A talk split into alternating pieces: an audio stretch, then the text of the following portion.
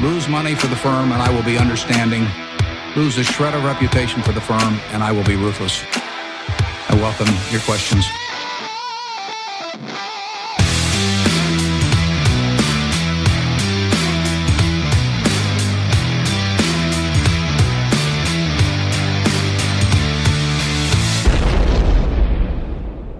Hej och hjärtligt välkomna till Kvalitetsaktiepodden. Det är jag som är Ola.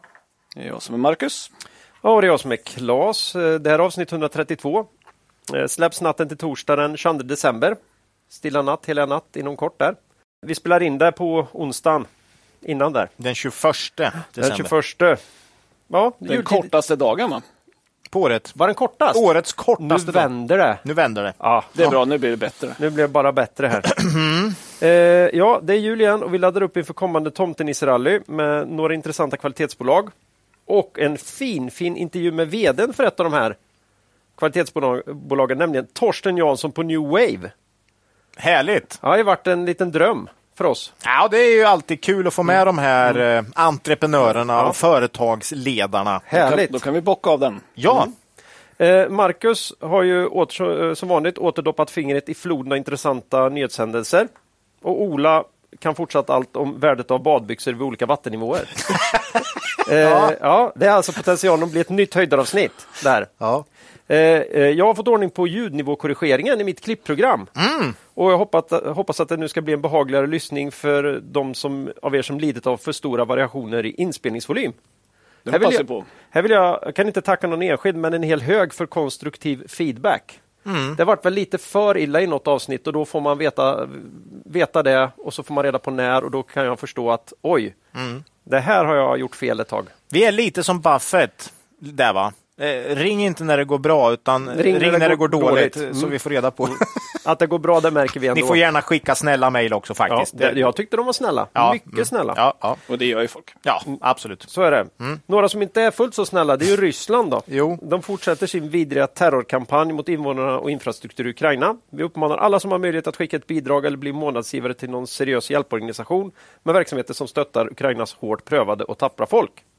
Vi skickade i år, som vi tidigare berättat, en julgåva till Sverige för UNHCR. Mm. finns många andra eh, också. Eh, Ukraina, vi ser och vi glömmer aldrig.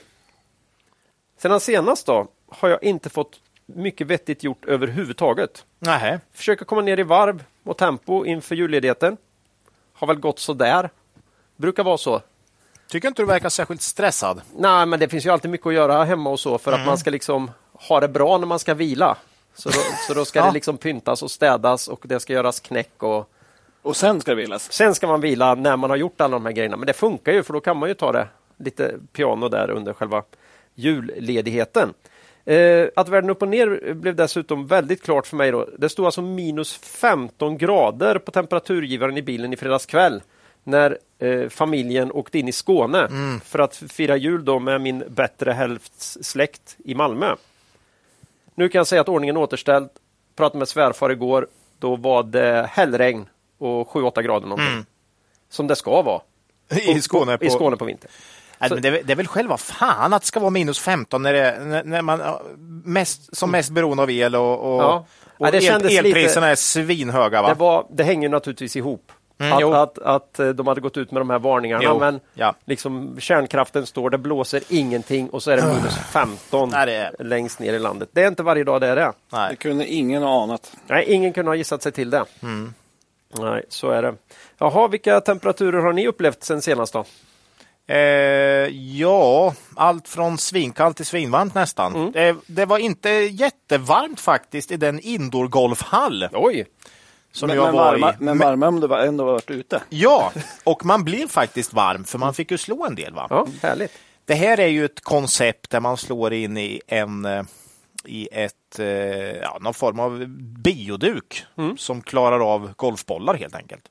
Och sen så är det någon, någon mätare där som mäter hur den här golfbollen skulle ha gått egentligen. Du tittar ju liksom på hur du slår och träffar och allt. Ja, så kan du helt enkelt spela golf i ett dataspel genom att slå, precis som vanligt.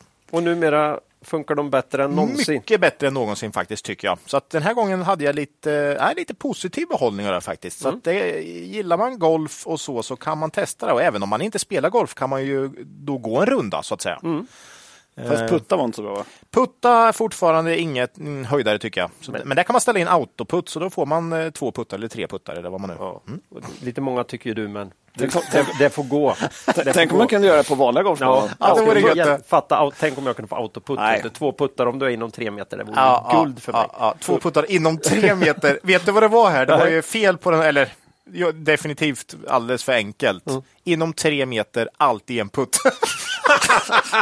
det är liksom bättre än proffsen. Klart, bättre än proffsen då.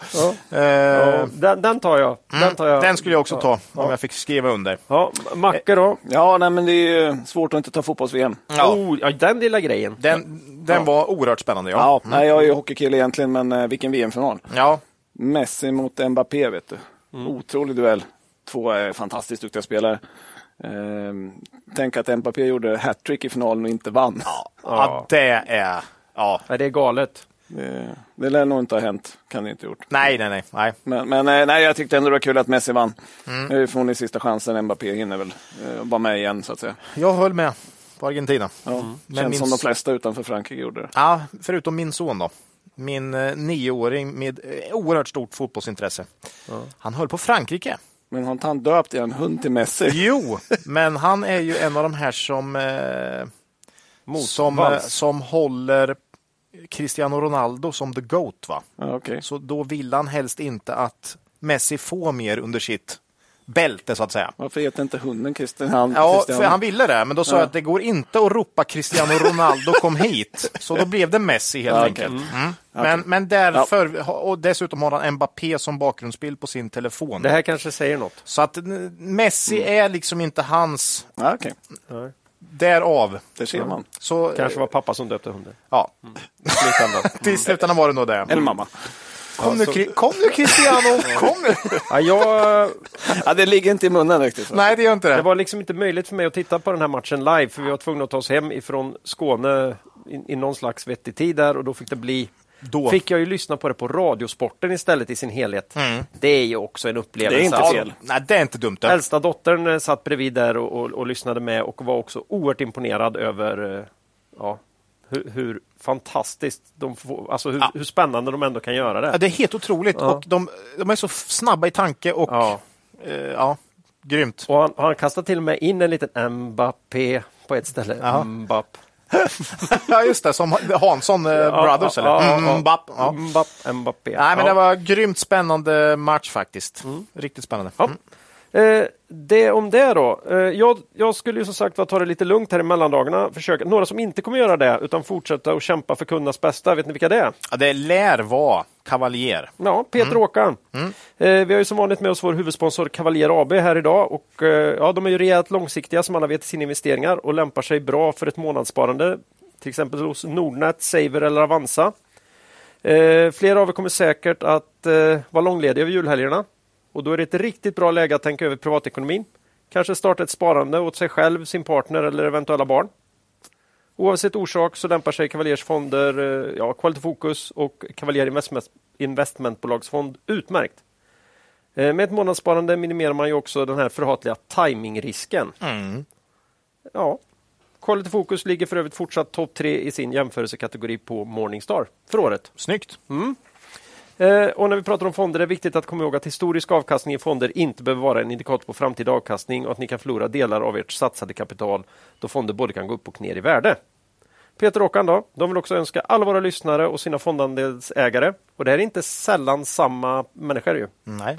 en god jul och ett riktigt gott nytt år. Tack säger vi till vår huvudsponsor Cavalier AB. Ja, börsdata då? Ja, det är ju värdeinvesterarnas bästa vän. Ja, vi vill ju också som vanligt tacka vår samar- samarbetspartner Börsdata. Är ni inte medlem hos Börsdata ännu så blir det. Alla medlemsnivåer och priser hittar ni på borsdata.se pristabell. Själva tjänsten hittar ni på, den, eh, då på borsdata.se terminal. Där har alla tillgång till en utmärkt basversion som ger ett bra smakprov, smakprov på vad tjänsten har att erbjuda. George som är kollegor på Börsdata vill också önska alla lyssnare en riktigt god jul och ett gott nytt år. Tack säger vi till Börsdata. Innan vi går vidare i avsnittet vill vi påminna våra lyssnare om att aktieinvesteringar alltid innebär ett stort risktagande. Aktier kan både gå upp och ner i värde. Satsa därför aldrig kapital på aktier som du inte är beredd att förlora. Det vi säger i podden ska aldrig betraktas som köp eller säljrekommendationer. Gör alltid din egen analys av bolagen innan eventuell handel. Ja, då var vi framme vid Aktuellt då. Ja, Vad, vad har vi idag, Macke? ja jag börjar med att kolla upp, eh, har gjort det på slutet, hur det har gått sen senast. Det är lite kul. Mm. Drygt eh, 2% ner sen senast. Så Ja. att, eh, det har ju inte varit så många minus. Alltså min känsla skulle ju, är ju att det ska vara mer. Ja, men jag tror det gick upp lite emellan där.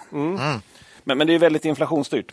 Så det är svårt att inte ta med det. Vi, vi, vi såg ju först att det kom siffror från USA 13 december. Eh, inflationen i november var där 7,1. Man trodde 7,3. Och så följde Sverige upp dagen efter med att eh, man hade inflation i november på 9,3 mot väntad 9,5. Och då gick ju börsen upp. Ja. För det är ju så fantastiskt eh, bra då med den här förändringen. Ja. Eh, nej, men marknaden är ju ofta styrd av förändrings, förändringen mer än de absoluta talen. Och det fick man väl tecken på här då. Eh, sen är det ju väldigt höga siffror i absoluta tal. Inflation över 7 i USA, Ja, i Sverige. Liksom. Det trodde ju inte många för två år sedan. Nej, i, i, det, de var nog lätträknade, ja. Och målen ligger på 2 Ja, Så så att, eh, det är en bit ifrån kan man säga. ja det är tufft.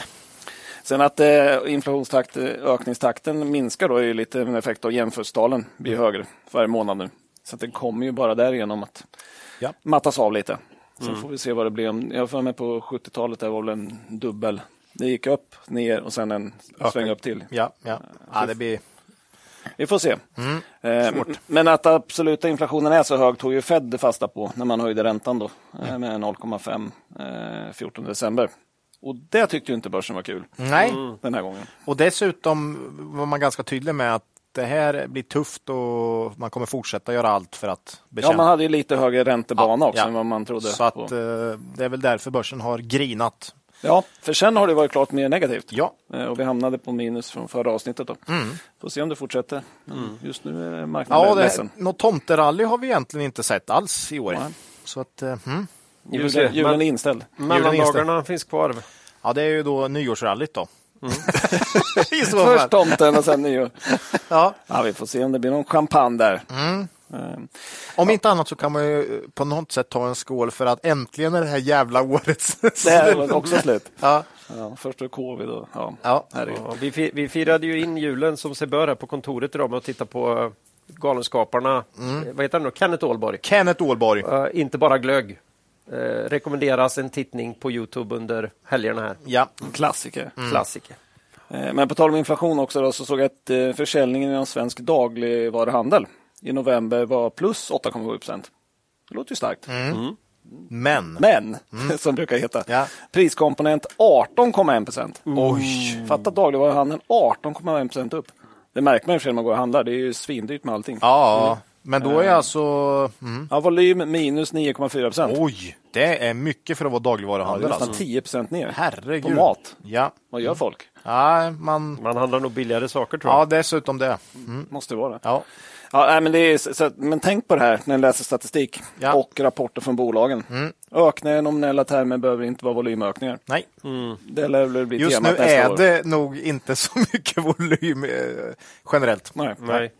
Men, men det är ju inte alla bolag som håller fram det. Nej, Utan precis. de skryter med att ja, men nu är det plus 4 procent. liksom. Bästa omsättningen någonsin. Typ. Men vi har tappat 20 procent i Nej, säg volym. inte det! Säg inte det. Ja, ja. Nej, Ja. så är det. Så är det. Så håll, håll koll på det. Ja. Eh, vi går över till avsnittets iGaming. Mm, brukar du, du alltid vaska fram något? Ja, försöker i alla fall. Vad är det nu då? Ja, nu får jag eh, liksom ha lite skohornet här tror jag. Aj, aj, aj, aj. För det är inte en riktig bara iGaming-nyhet.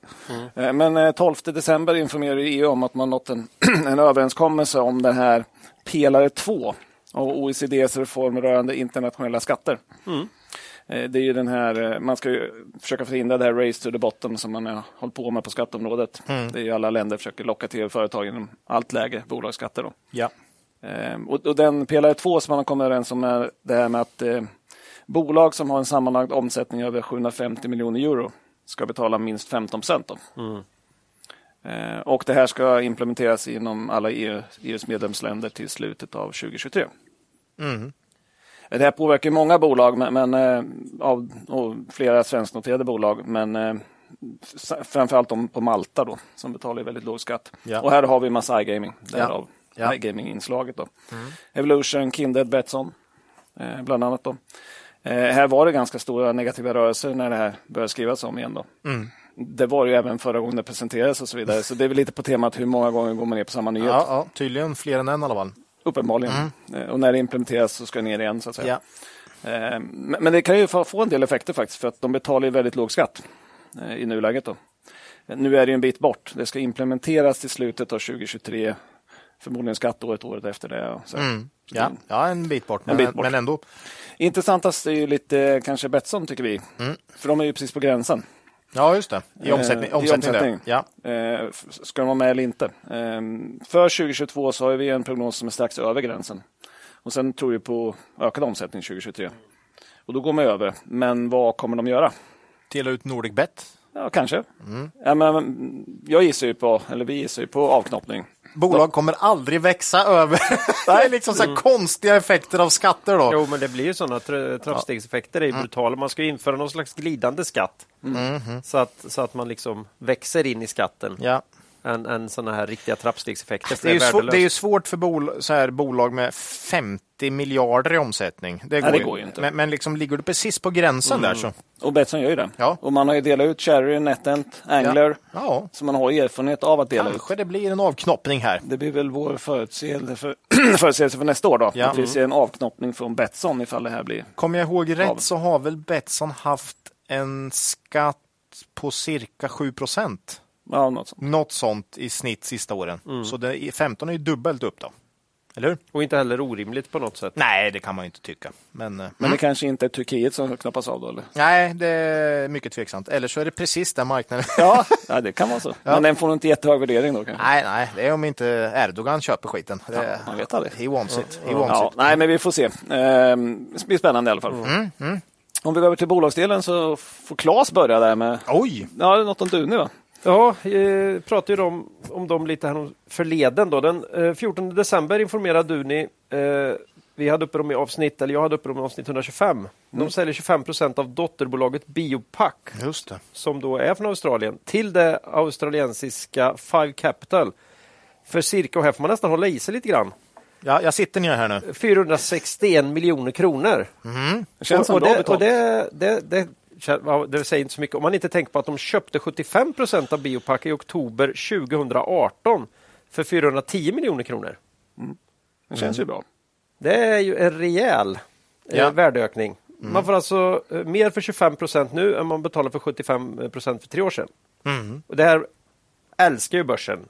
Ja, det borde den ha gjort eller? Nej. Nej. Det hände ingenting. Kursen föll 2 procent på den dagen man informerar om affären. Vad fan. Konstigt. Det är, det är ganska taskigt. Tänk dig om de har suttit och förhandlat och så är de skitnöjda. Det här, det här. Nu grabbar, nu kommer det smälla. Ja. Eh, Fina Duni alltså. Ja, mm. Vi berättade ju det att eh, de hade ju meddelat att de såg över strategiska alternativ för den här verksamheten. Och eh, ja, marknaden kanske blev besviken då för att man inte sålde alltihop. Jaha, eh, för priset var ju fantastiskt, eh, ungefär ja, eh, 1,85 miljarder. Mm. Det kan ju sättas i relation till hela Dunis eh, börsvärde på strax under 4 miljarder. Eh, Efter den här transaktionen så konsoliderar man fortfarande och äger eh, 53 procent av Biopac. Och eh, det fanns tidigare köp och säljoptioner och sånt som, eh, som de löses upp nu. Man konsoliderar alltihop och man kommer göra avdrag för minoritetens andelar i resultat per aktie. ja. Eh, Det här anses vara en transaktion med minoritetsaktieägare och ingen realisationsvinst redovisas, redovisas därför i resultaträkningen. Ja, Det här man, man sa så. så Ja, vi, ja. Men, ja. Och det här förstår inte jag. Det måste ha någon slags påverkan på resultat eller balansräkning det här.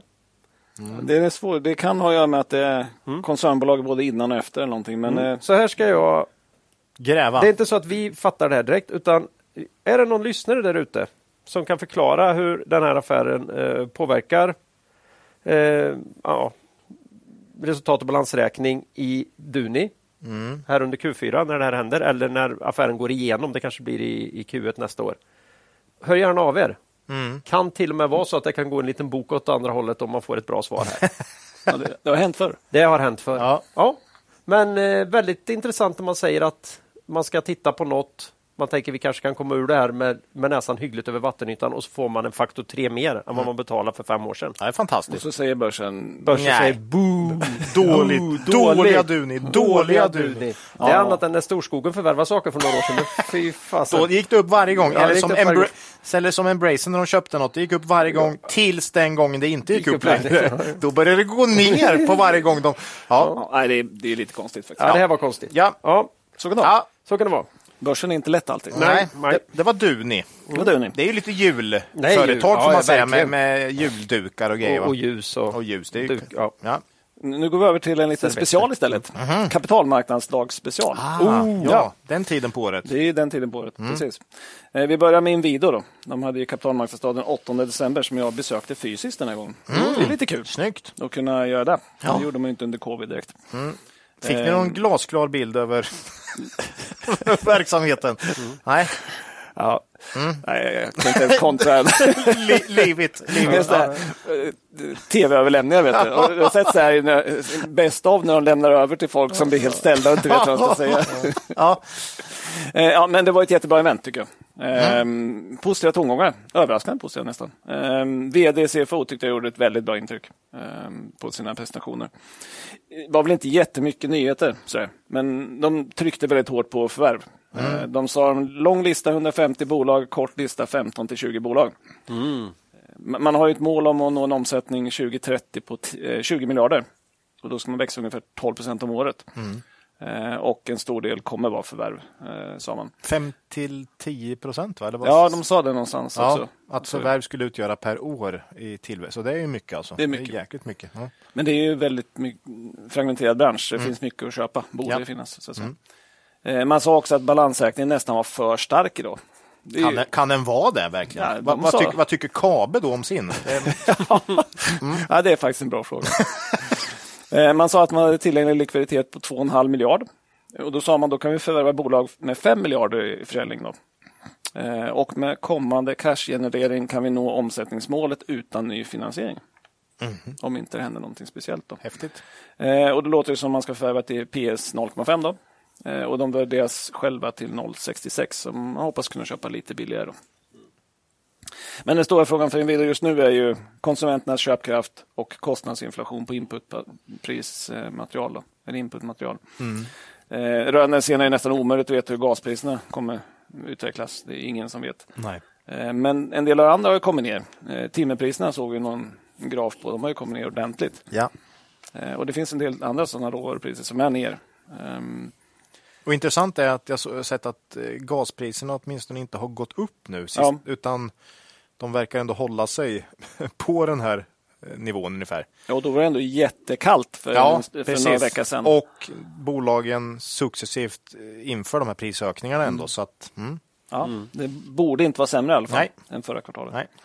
Ehm, sen, sen går det ju att se ett positivt scenario där inputkostnaderna sjunker undan men man själv inte är lika snabb med att sänka priserna. nej, brukar väl vara så. Det ligger ju inte i kursen om man säger så. Nej. Eh, Men det är inte något man kan våga satsa på för det kräver kanske också då att eh, efterfrågan är någorlunda stabil. Och eh, byggkonjunkturen Och ser ju lite, byggkonjunkturen. lite sådär ut. Så det finns ju många motgångar i närtid. Ja, Liksom. ja. Ehm, ja, vi, vi får se. Ehm, det är tufft i närtid. Ett par dagar efter kapitalmarknadsdagen, då, så den 14 december, så informerar man om att Elitfönster varslar 50 personer inom produktionen i Lenhovda och Vetlanda. Och anledningen ska enligt rapporteringen vara vikande or- orderingång. Då. Ehm, det här såg ju börsen väldigt negativt på. Aktien föll ganska kraftigt. Då. 10 procent tror jag på två dagar. Fem, ja, Ja. ungefär på två, över två dagar i alla fall så blev det nog något sånt. 50 personer, det är mycket per person. Ja, det är mycket det. Jag tror Ja. de är eh, ett par tusen med Mm. I Sverige. Eller ett, och- ett och ett halvt, så det är inte vrålmånga. Är det ju Nej, inte. det är absolut inte många, men eh, här var mycket Och de per hade väl dessutom hintat om att man tittade över sina verksamheter? Ja, de- de sa på, på kapitalmarknadsdagen att just eh, Elitfönster var en, eh, en enhet där man liksom tittade på eh, lönsamheten. Och så där, så att, eh, ja, vi får se. Eh, Det, det blir intressant år i alla fall för 2023 för Inwido. Svårt att spå när det vänder. Eh, vi äger aktier i Inwido, har vi sagt tidigare. Ja, Japp. hel, alla eh, som har med bygg och, och sånt fastigheter att göra mm, blir ju väldigt spännande år 2023. Och har börsen tagit ut tillräckligt och så här. Ja, vad är inprisat? Ja. Så är det. Ja, det blir spännande. Eh, ja, sen går vi vidare. Vi har ju pratat om kontraktstillverkare i podden ganska En många gånger en hel del, ja. senaste året.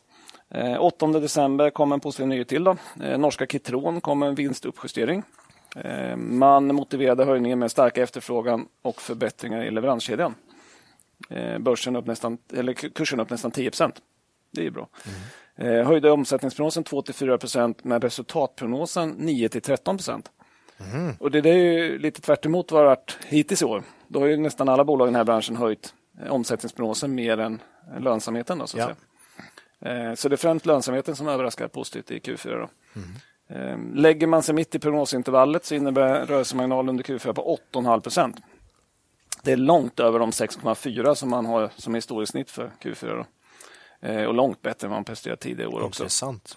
Skulle man tro att den marginalen är långsiktigt hållbar så skulle aktien ha en högre värdering än idag. Eh, s- sen hade man ju då kapitalmarknadsdag de också, 13 december. Där höjde man långsiktiga omsättningsmålet till 10 miljarder norska kronor. Eh, 10 procents omsättningstillväxt per år då, blir det om man översätter. Eh, man sa också att man tror att EMS-marknaden då, man är mest inom EMS då, eh, ska växa 8 procent om året till 2028. Det är en ganska lång prognos. Ja, jäkligt lång. Svår att göra också. Svår att göra, men, men eh, de, de är positiva. Men de säger att de segment som man själva är inom ska växa ännu lite snabbare än så. Då. Så det ska vara bra tillväxt där. Sen tror man att man ska uppnå en rörelsemarginal på 8 och Det är klart högre än femårssnittet på 6,7. Då. Eh, Generellt sett väldigt positiva tongångar på kapitalmarknadsdagen. Eh, Det ska bli spännande att följa Kitron 2023 och vi får Mycket. följa upp det. Hela branschen. Hela branschen. Det har vi pratat om flera gånger. Eh, Och Då kan man gå över till positiva tongångar även på Nots kapitalmarknadsdag. Som var 14 december.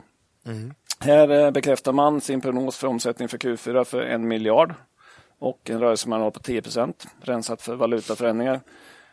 När man då bekräftar den 14 december för Q4, det är inte mycket kvar alltså. Nej, nej, nej. nej. Så det är man ganska säker på. Då. Ja. Eh, Sen räknar man att lönsamheten i både faktiska tal som i procent ska fortsätta att förbättras 2023. Då. Ehm, Det, det ligger väl också i, i marknadsprognoser. Då.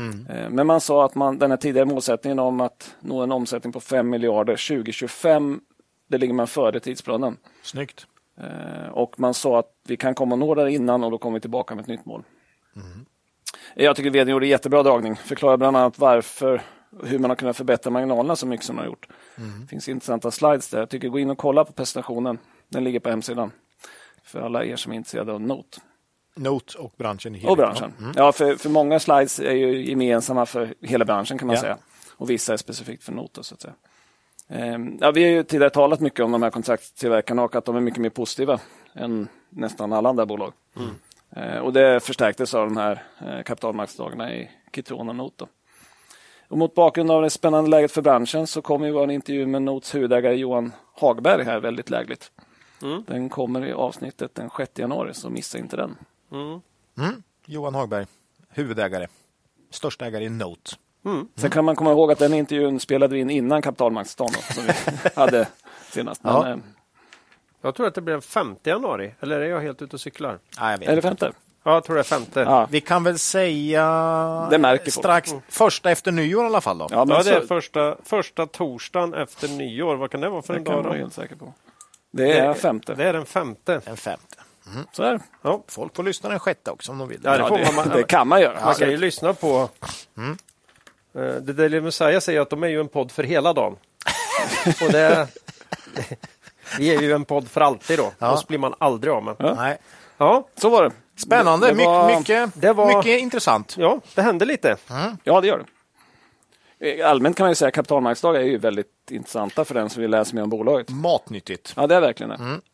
Bolagen brukar skicka ut ett pressmeddelande på morgonen innan för att liksom eh, essensen av det de kommer säga. Absolut. Men eh, man kan få en hel del eh, flavor. Ja, men det blir en hel del mer. Liksom. ja, ja. Put some flavor on. Och för den som inte orkar läsa rapporten eller årsredovisningen så får man ju då att någon berättar för en istället. Ja, Det är ju smidigt. det är ju väldigt skönt. Ja.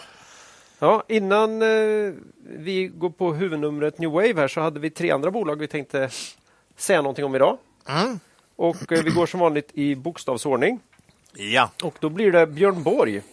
Det här är ju klädbolaget som nu är det närmsta man kan komma hovleverantör inom sportunderkläder. Ja. Visst är det så? Ja, Eh, avsnitt 124 senast. Precis, det är jag som tar dem. För jag, jag har ju roffat åt mig bolag som börjar tidigt i alfabetet. Ja, det är så bra. Är Så precis jä- som vanligt. Ja, Vi ska ha visst. en strategi vid investering och det här är en. Den är bra. Den är bra. Ja, men som sagt, de var med i 124 efter Q2-rapporten. Den var ju klart svagare än vad vi hade gissat på. Eh, och till stor del berodde det väl det på de här väldigt svåra pandemiboostade kvartalen som man går emot. Då.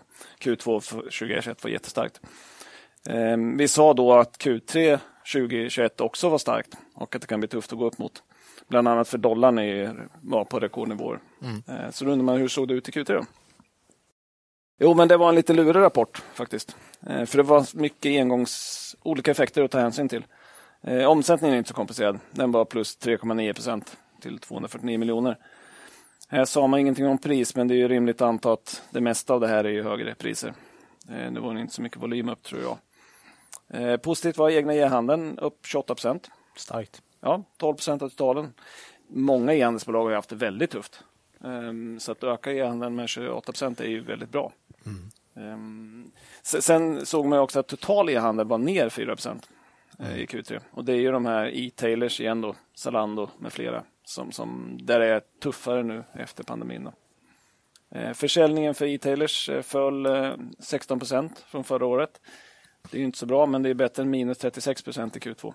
Ja. Så ja. sekventiellt bättre. Och jag, Bunge sa på konfkåret också att det var lite bättre det här kvartalet. Så vi får se om den trend som fortsätter in i Q4. Då. Mm. Eh, men det som var struligt var ju lönsamheten. Eh, här finns det massa engångsposter. Eh, först var det 3,9 miljoner i kostnad för incitamentsprogrammet. Det ligger kvar även i Q4 va? Ja, det kommer komma Ja. i Q4 också. Ja. Vi pratade om det här i avsnitt 124 efter Q2, så gå tillbaka dit och lyssna på vad det här är för program.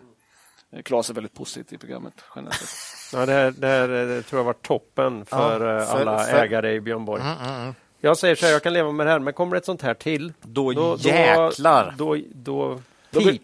Då, då, det- byter du ut allt till Craft. Japp, Mm. rakt Då av. blir det inget mer Borg. Nej. Japp. Okej. Ehm, ja, men framförallt så, så gjorde man en reserve- reservering för återbetalning av covidstöd i Holland.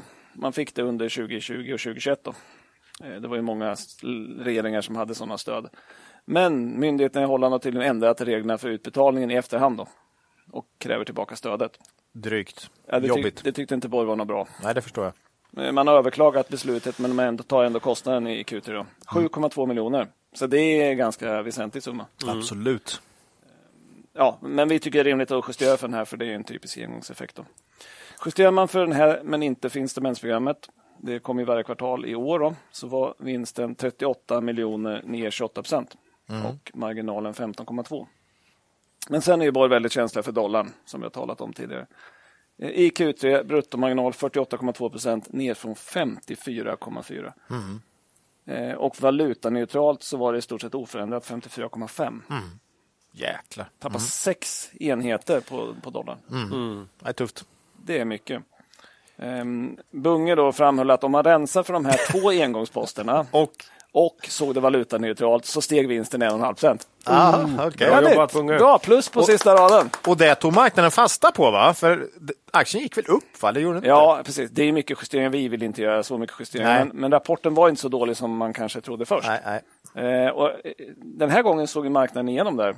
För det var plus 10 procent på rapporten. Ja, det var så. Ja, Det är mycket plus och minus just 10 procent nu för tiden. Alltså. ja jäklar vad det har slagit Det på rapportdagarna. Mm. Men eh, ja, eh, alltså Q2 var ju minus 21 procent. Så att, Oh, ja, ganska stor skillnad får man säga. Ja, det var ju där. Mm, just det. Vi köpte in aktien där när- efter, i raset där någon gång. Ja, den hade rasat en bit där. Ja, det var ju vi, nästan på botten där i september någon gång vi köpte. Ja. Eller augusti. Ja. Men som helhet tycker vi det var en bra rapport eh, på underliggande verksamheten. Då. Eh, svårt att komma ifrån för Borg då att man är påverkad av dollar. Köper över 50 procent i dollar, säljer inte något direkt i dollar. Nej. Eh, VD Bunge då pratar om att man ska försöka bli bättre på att köpa och sälja samma valuta. Eh, det kan antingen ske om man ökade inköp i annan valuta än dollar. Eh, det är lite svårt, mycket med kläder som tillverkas i Asien och sådär. Jo. Men, men, men eh, ja, det kanske går att hitta europeiska leverantörer på en del grejer. Så att säga. Men också vid ökad försäljning i dollar. Mm. Här sa man att man hade börjat sälja lite på Amazon i USA. Och det hade börjat lovande, sa Mm. man. Kul. Och man skulle börja rapportera separat under 2023. Så det blir intressant att följa. Se hur mycket det är. Ja. Ja, vad säger vi om Borg då? Ehm, ja, man har mycket motvindar eh, för bolaget just nu som ligger utanför bolagets kontroll. Lite grann. Valuta och även annat. Då. Olika incitamentsprogram och sånt. Ja, just den är väl liksom inte utom kontroll. Mm. Eh, nej, men postpandemieffekter för e-handel. E-tailers har haft det svagt. Ehm, dollarn som vi såg. Samtidigt går egen e-handel bra. Då. Och det, det är bättre än många konkurrenter. Ja, i ett ganska tufft retailklimat så tycker jag ändå det går hyggligt bra faktiskt. Ja, det är bra leverans på egna, egen, egen del. Dollarn har ju kommit tillbaka lite grann på slutet, men är ju väldigt mycket högre än vad det var för ett år sedan fortfarande. Ehm, Ja, vi får se. Q1 eh, 2022 var väldigt starkt. Ehm, Vi tror på vinstminskningar två kvartal i rad här. För det var ganska starkt i Q4 2021 också. Eh, Vi har 2,45 i vinst per aktie för i år och 2,60 nästa år. Eh, Med kurs 31 som det var när vi gick in började spela in, så P 12,7 respektive 12. Sen såg jag att Penser följer bolaget. De kom med en uppdatering den 20 november. Det är några dagar efter rapporten då, och höll kvar vid 3,60 för nästa år. Åh, herregud. Ja, det är 8,6 i P. Ja, det är skillnad. Slår det in så är det en väldigt billig aktie. Ja. Eh, Men det är en bra bit från vad vi har gissat på och eh, ja, vi tror ju sagt på vinstminskning två kvartal i rad här. Så vi har faktiskt sålt våra aktier i Borg efter rusningen på rapporten. Ja, som sagt, vi köpte där eh, under 25 va? och så Ja, så var det lite bit över 30. Eh, Men, men nej, det, det är lite lurigt med konsumenterna också. V vad händer nu i närtid? Mm. Men eh, som sagt, eh, jag tycker de överpresterar fortfarande. Ja, Om jag... alltså, det, det här är lite tidsperspektiv. Ja, det är det. Vi vi har ju mos i bolaget, Mm. eh, men det är två kvartal där vi tror att marknaden, eller vinsten kommer minska. Mm. Marknaden brukar ha lite jobbigt för det. Eh, men vi kommer ju förmodligen komma tillbaka till bolaget senare.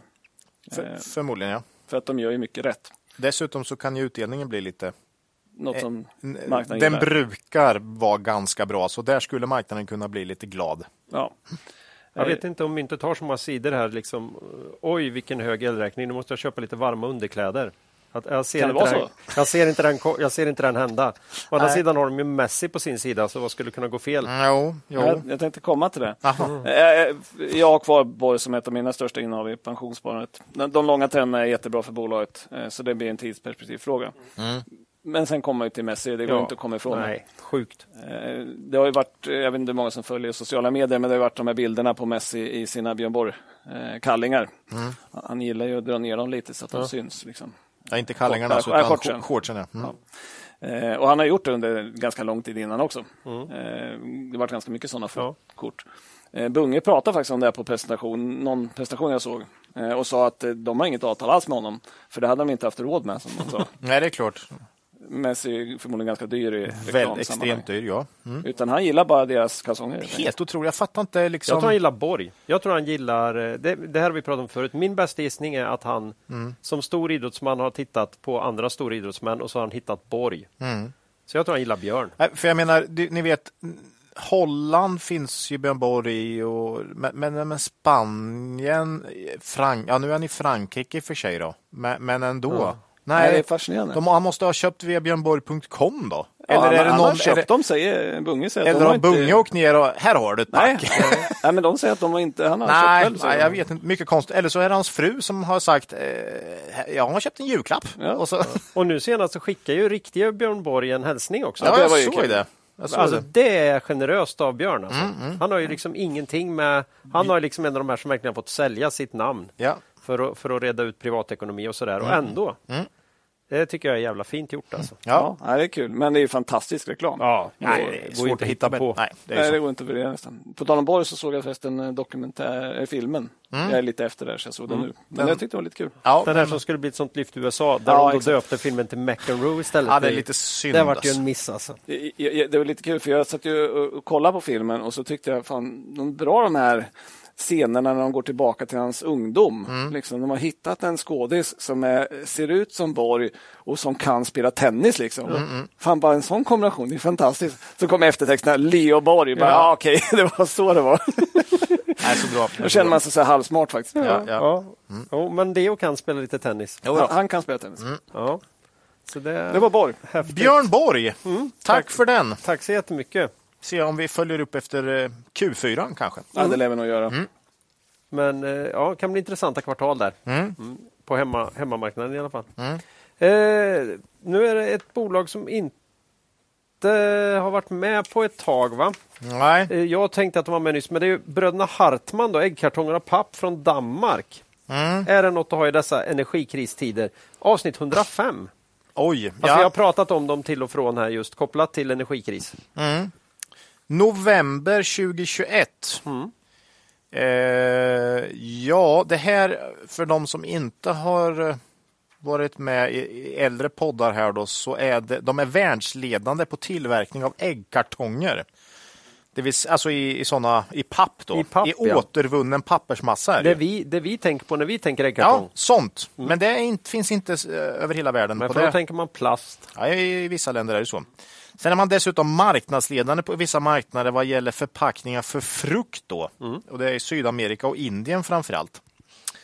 Eh, vi har pratat om Hartman en del och också pratat om man har en ganska intressant ESG-trend som talar för bolaget här i och med att det finns en drivkraft att ersätta plastförpackningar med bolagets förpackningar. Då. Eh, som skulle kunna driva omsättning eh, över tid så att säga. Eh, Hartman, här, de har ju haft brutalt jobbigt eh, 2021 och 2022. Man fick väl något bra kvartal 2021 tror jag, men sen har ju insatspriserna här för bolaget slagit stenhårt. Verkligen. Som ni vet. Allt har gått fel. Priser på el, naturgas och återvunnen pappersmassa är det man spesar som sina huvudinsatskostnader. Och här, det är ju mångdubblingar. Ja, graferna ser nästan likadana ut för alla de där. Ja, det är inte kul. Nej. Eh, här har man inte kunnat kompensera sig direkt så att säga. Utan här har det ver- att man ändå har hållit sig över ytan är ganska fascinerande med. Eh, Det var väl något förlustkvartal? Va? Ja, eh, men det var en engångspost också som drog ner det lite. Men, men i år så är man plus faktiskt alla kvartal då. Eh, men det har ju slagit stenhårt mot, mot lönsamheten såklart då. Eh, som inte det här var nog så förvärvade man ju då under pandemin en stor fabrik i Ryssland då. Eh, där man nu då helt plötsligt försöker sälja den då igen. Nej, timingmässigt är det tråkigt. Av förståeliga skäl. Eh, så inte roligt. Dessutom, man tror det är ett skämt, det låter nästan som ett skämt det här, men deras stora förvärv i Indien, den fabriken brann ju. Eh, här också. Tänk om, tänk om de hade suttit på en sån här strategimöte. Så här, Men grabbar, så här, worst case, vad är det som kan hända? Elpriserna upp tio gånger. Ja, okej, ta den då. Sen, Pappersmassa eh, tre. Eh, el, eller... Hur är det med Ryssland då? Det är okej? Eller kan Nej, vi, ja, det blir nej. krig. Vi får försöka sälja tillbaka det vi precis har köpt och så brinner fabriken i Indien. Indien. Ja, okej. Där har vi. Det har vi sämsta, okej. Rys Ryssland är ju att säga vi tar allt vi har på balansräkning, vi delar inte ut den utan vi bara spolar i toaletten helt enkelt. Lite så, för de köpte ju för alltså 150 miljoner SEK, tror jag. Eh, De skulle bli marknadsledande i Ryssland, var ju tanken. Ja, sen kom kriget och nu försöker de ju sälja det, men det är inte lätt. Så det har inte de lyckats med än, helt Nej. enkelt. Dock har de lite intäkter från den här verksamheten för det är ju en sån här som man får fortsätta med eftersom Verkar så, ja. den inte är under ban då. Nej. att inte målet är att ryssla, ryssarna ska svälta ihjäl här utan ryssarna tänker bara att ukrainarna ska svälta ihjäl. Eh, Så nej, man kan minst sagt säga att, 2020, att det här har varit riktiga mardrömsår för bolaget Hartman. Aktien minus 27 procent i år, men nej, till och med 28 procent i år och cirka 60 procent ner sedan toppen förra året. Då. Eh, Ja, nej, ni hör själva. Det är sju sorger och åtta bedrövelser som man brukar säga här. Va? Ja, vad tufft. Frågan vi nu ställer oss här, kan det verkligen bli värre? Det är ju alltid låga Ma förväntningar. Ni marknaden, marknaden brukar tänka sig det, ofta. ja, eh, låga förväntningar brukar ju vara eh, bland det bästa när man investerar. Va? Det har Manger sagt. Så Ja. Sen måste man ju fundera sig på, är värderingen tillräckligt låg för att aktien ska vara intressant här då? Eh, eh, bolagets lönsamhet då, såklart kraftigt ner 2021-2022. Mm. Före pandemin snittar man cirka 10% ebit-marginal. Med nuvarande de här extrema prisökningarna vad gäller el, naturgas och återvunnet papper har man inte kunnat kompensera för mm. de här ökningarna. Under de första nio månaderna för 2022 ligger man på cirka 4% i ebit-marginal om man justerar för engångsposter och det har faktiskt varit lite positiva engångsposter. Det är, ja, det är försäkringsgrejen. Ja, mm. man fick ut försäkring på den här Indienbranden då. Eh, så att ungefär 4 ebit-marginal under 2022, det vill säga långt under mm. historiska snittet. Man har successivt höjt priserna och omsättningen steg med 37 procent i Q3. Mm. Och det är ju mycket pris där då. Mm. mm. Så lite har man kunnat lägga på ändå. Ja, nu. Man, mm. man börjar väl jobba sig i kapp då. Mm. Eh, dessutom då i samband med Q3 här när man släppte det här plus 37 procent omsättning eh, så höjde man prognosen för 2022 då, vad gäller omsättning och ebit-marginal till den övre delen av spannet. Mm man tidigare har kom, eh, liksom kommunicerat. Och om den här prognosen slår in för Q4 så blir faktiskt Q4 det bästa kvartalet för året. Yep. Även om det säsongsmässigt eh, historiskt har varit ganska medel. Så att det känns som att det finns en möjlighet att man kanske börjar komma ikapp då med de här prisökningarna. Va? Mm. Hade du när rapporten kom? För jag antar att det är en bit in i Q4. Ja, jo, jo. Jag, jag, tror faktiskt det var 14 november. Okej, okay, så halva? Ungefär. Ja, ungefär ja. Mm. Mm. Eh, prisökningar verkar bita här, tycker jag, om man kollar på den här prognosen för Q4. Men som sagt, man är långt ifrån den historiska lönsamheten. Eh, och ska marginalen kunna ta sig tillbaka till de här 10 procenten så måste nog några av de här insatspriserna gå ner igen, tror jag. Mm. Eh, och här ser man kanske inte jättemycket tecken på det, men ändå återvunnet papper tappar. Har tappat nu ett tag. Mm. Eller återvunnen massa då som mm. man tillverkar de här av. Och el och gas har åtminstone inte gått upp eh, under Q4 här utan håller sig trots eh, eh, ganska kallt. Ja. Nu ska man komma ihåg, de här är ju världs... Det är, ett, det är USA, det är Sydamerika, det är Europa och många anläggningar i Europa. Så att, att bara kolla på elpriser och temperatur här är ju inte allt. Mm. Så det, är, det är mer komplext. Det är inte bara verksamhet i Danmark? Här. Nej, Nej. Det, är mer kom, det är mer komplext än så. Men, men, det skulle man kunna ha trott när man såg hur hårt det slog. ja, jo, nej, men all, all, de här papperspriserna är mm. ganska globala ja. ändå för att få tag i. Eh, Ja, men i och med att jag tycker mycket ser väldigt ja, det ser skit ut för bolaget under Q4 om man kollar här, men ändå lämnar man en prognos som gör att man börjar se lite ljus i tunneln tycker jag. Ett positivt scenario är att insatspriserna faktiskt faller tillbaks lite mm. under 2023. Det är inte helt otänkbart. Då skulle vi eventuellt kunna se en ganska rejäl marginalökning för Hartman om man nu har höjt priserna och insatspriserna eh, faller ner. Eh, mycket svårt att säga om, framför allt tajmingen här, mm. tidsaspekten, men chansen finns att det kan komma. Eh, en övning vi dock skulle kunna göra här är ändå att sätta den historiska ebit-marginalen på nuvarande omsättning. brukar vi göra ganska ofta. Och sätter man 10 ebit-marginal på den omsättning som Hartman själva tror på här nu för i år, 3,3 miljarder, så hamnar vi på ebit på 330 miljoner danska kronor och vinst per aktie då på en bit över 30 danska kronor. Ställt till dagskurs på 265 kronor skulle det ge ett P tal på cirka 8,5 för Hartman. Eh, historiskt P före pandemin var cirka 15.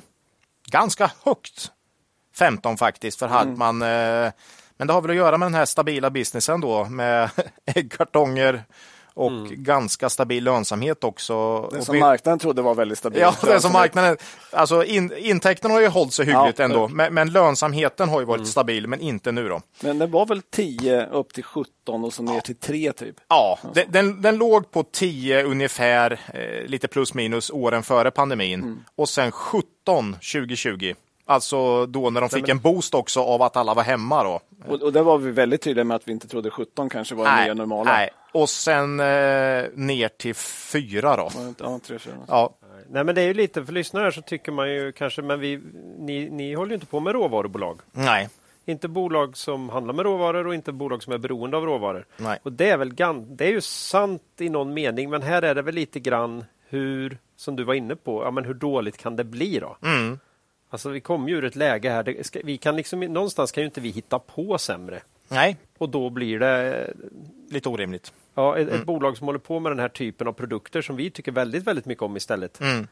Då, då ser vi någonstans förbi det här att vi faktiskt ändå inte kan gissa råvaror och känner att vi, vi försöker ändå. Ja, och historiken visar på en väldigt stabil lönsamhet. Och så här mycket brukar ju inte... Alltså, jag tror 2021-2022 har varit väldigt extrema år vad gäller råvarupriser och kostnader för energi och så. Och sen kanske Det man, tror jag de flesta håller med om. Ja, så, så att jag, jag, jag, tror, jag ser inte det som något, något normalt. och sen kanske man är beredd att offra några procent marginal igen här för att, för att säkra upp. Mm. Man, hade ju liksom, man var ju väldigt offensiv och framåt historiskt just att, att ta långa kontrakt och terminer och säkra både papperspriser och energipriser och så här. Och sen hade man ju börjat uppenbart vackla i det. Ja, Så ja. skyllde man lite på det att man gick in i Ryssland och Indien och där var det svårt. Jag tror nog att det kanske inte kommer vara så svårt eh, framöver här. När man har tagit, det är min gissning, men jag tror att man tagit en sån här smäll med den historik som bolaget har så kommer man nog Ja, man kan offra någon procent Ja. marginal framöver för att, för att ta bort risk. Ja, Det är ju försäkringar Ja, man köper när man mycket- köper terminer. Så att mycket möjligt. Så, mycket det är möjligt. min gissning. Ja. Eh, Eh, min lilltå säger det till mig. Att, Ja, nej men eh, mycket möjligt och man är väl lite, lite bränd. Mm. Det är mycket möjligt att man är lite bränd efter de här senaste fem kvartalen eller vad det nu är. ja, jag tror man själva ser sig som ett stabilt lönsamhetsbolag. Jo, och det är ju det man, många Mm. har investerat i. Om du kollar historiken. Äggkartonger, stabil business, eh, klara lågkonjunktur, historiskt. Pricing power så det skriker Ja, det om har det. de ju bevisligen här. Mm. Eh, men de har inte hunnit med. Nu sa jag fel här. Ja, men Ah. Klas! Boo! Boo! Dåliga Prisjusteringsförmåga, så Ja. det skriker om det. Bra Claes. Mm, Nej, men, men, alltså, om vi, vi bara säger då att man når tillbaka i sin historiska ebit-marginal, då är det en, en potential då från 8,5 i PE upp till 15 då, Mm. om de ska tillbaks till sitt historiska snitt. Eh, inte alls säkert att de ska, men det finns en ganska stor potential här om man kommer tillbaks. Här, vad man ska komma ihåg är ju då den här tidsaspekten som vi inte alls vet då såklart. Ehm, skuldsättningen måste vi ta upp också här. I relation till vinsten är ju den väldigt hög just nu. Eh, dock på grund av att vinsten är väldigt låg för tillfället. Eh, här tror ju vi att den kommer minska ganska rejält under nästa år om eh, de här prisökningarna biter fortsätter då eh, och att eh, vissa till, till ingångspriser eh, går ner igen. Så tror jag vi kan, vi kan se en mycket lägre skuldsättning nästa år. Summerat då så tror vi kanske att det värsta är över för Hartman och att det nu finns en ganska bra sannolikhet för att det kan bli bättre igen. Eh, och skulle de komma tillbaka till historisk lönsamhet, vilket man bör kunna tycker jag, eh, någon gång, så ser det intressant ut. Eh, tidsaspekten är ju det svåra här. Hur lång tid tar det? Men vi har faktiskt köpt tillbaks de aktierna här vi sålde på 400-500 kronor här i hösten 2020. Eh, De har vi köpt tillbaks nu eh, och aktien står i dagsläget i 265 kronor. Eh, Vi tycker det är värt en chansning, men som sagt, det är fort, fortsatt ett ganska jobbigt, svårt läge för bolaget med tanke på insatspriser och allt. Det är ju inte ett av våra största innehav heller, Nej, det är det i och med inte. att vi är Nej. så pass osäkra. Men Ja. vi tycker ändå att det kan vara... Ja. Kommer de tillbaks till sin historiska lönsamhet så finns det en bra potential. Så kan man säga i alla fall. Eh, om de sen gör det och när, den är svår. Det, ja. Vi får se. Men prognosen för Q4, den lovar ändå lite gott tycker jag. Om, om man håller den. It's not supposed to be easy. Nej, Det, är väl så, det var det Charlie Munger som sa. Det va? var Manger igen. Mycket Ja. Manger nu. Mm. Eh, Det var, det var Hartman. det var Hartis. Ja. ja. Eh, Kopparbergs då. Och det var inte igår heller va? Nej, det Eh, var inte igår. det var verkligen inte igår. Avsnitt 68. Ja. 28, 28 maj 2020. Jag har inte varit med sedan inledningen på pandemin då alla pubbar i hela världen stängde ner. Ja, just det. Och då undrar jag, eh, Marcus, hur går det med Pink In-affärerna som skulle ta upp dem på banan igen? Mm, Det vet inte jag. Det, vet, skriver nej, man inte om i Det skriver man inte om längre. Nej. Eh, Det här är ju i och för sig inte de mest flödiga rapporterna Men- normalt heller. Så att, Men hur brukar det vara när man inte skriver om något? ah, det vet vi. Det, då är det inte bra. Det brukar inte vara så. Nej, Nej, det har inte blivit så kanske. Men det vet vi ingenting om. Nej, men som sagt, det var två och ett halvt år sedan de var med. Ehm, Då sa Ola att eh, aktien handlades till P 14. Det var en ganska rimlig värdering, men att bolaget har haft en för svag organisk tillväxt för att vara riktigt attraktiv. Det fanns intressanta alternativ på börsen. Då handlades aktien i 145, nu är ungefär 135. Så minus 7 procent på två och ett halvt år. Usch. Det är en ganska rimlig bedömning. Då, Mm, man säga. Ja. Men vi tänkte titta till bolaget igen då. Ja. Och se hur det ser ut nu. Mm. Man kom med Q3-rapport 23 november, föll 2% ungefär. Det var ändå klart mildare än de minus 7 som man föll när man presenterade Q2-rapporten. man har haft det lite jobbigt. Ja, det är jobbigt. Ja. Börsen varit lite sur. Eh, omsättning i Q3 plus 9% 593 miljoner.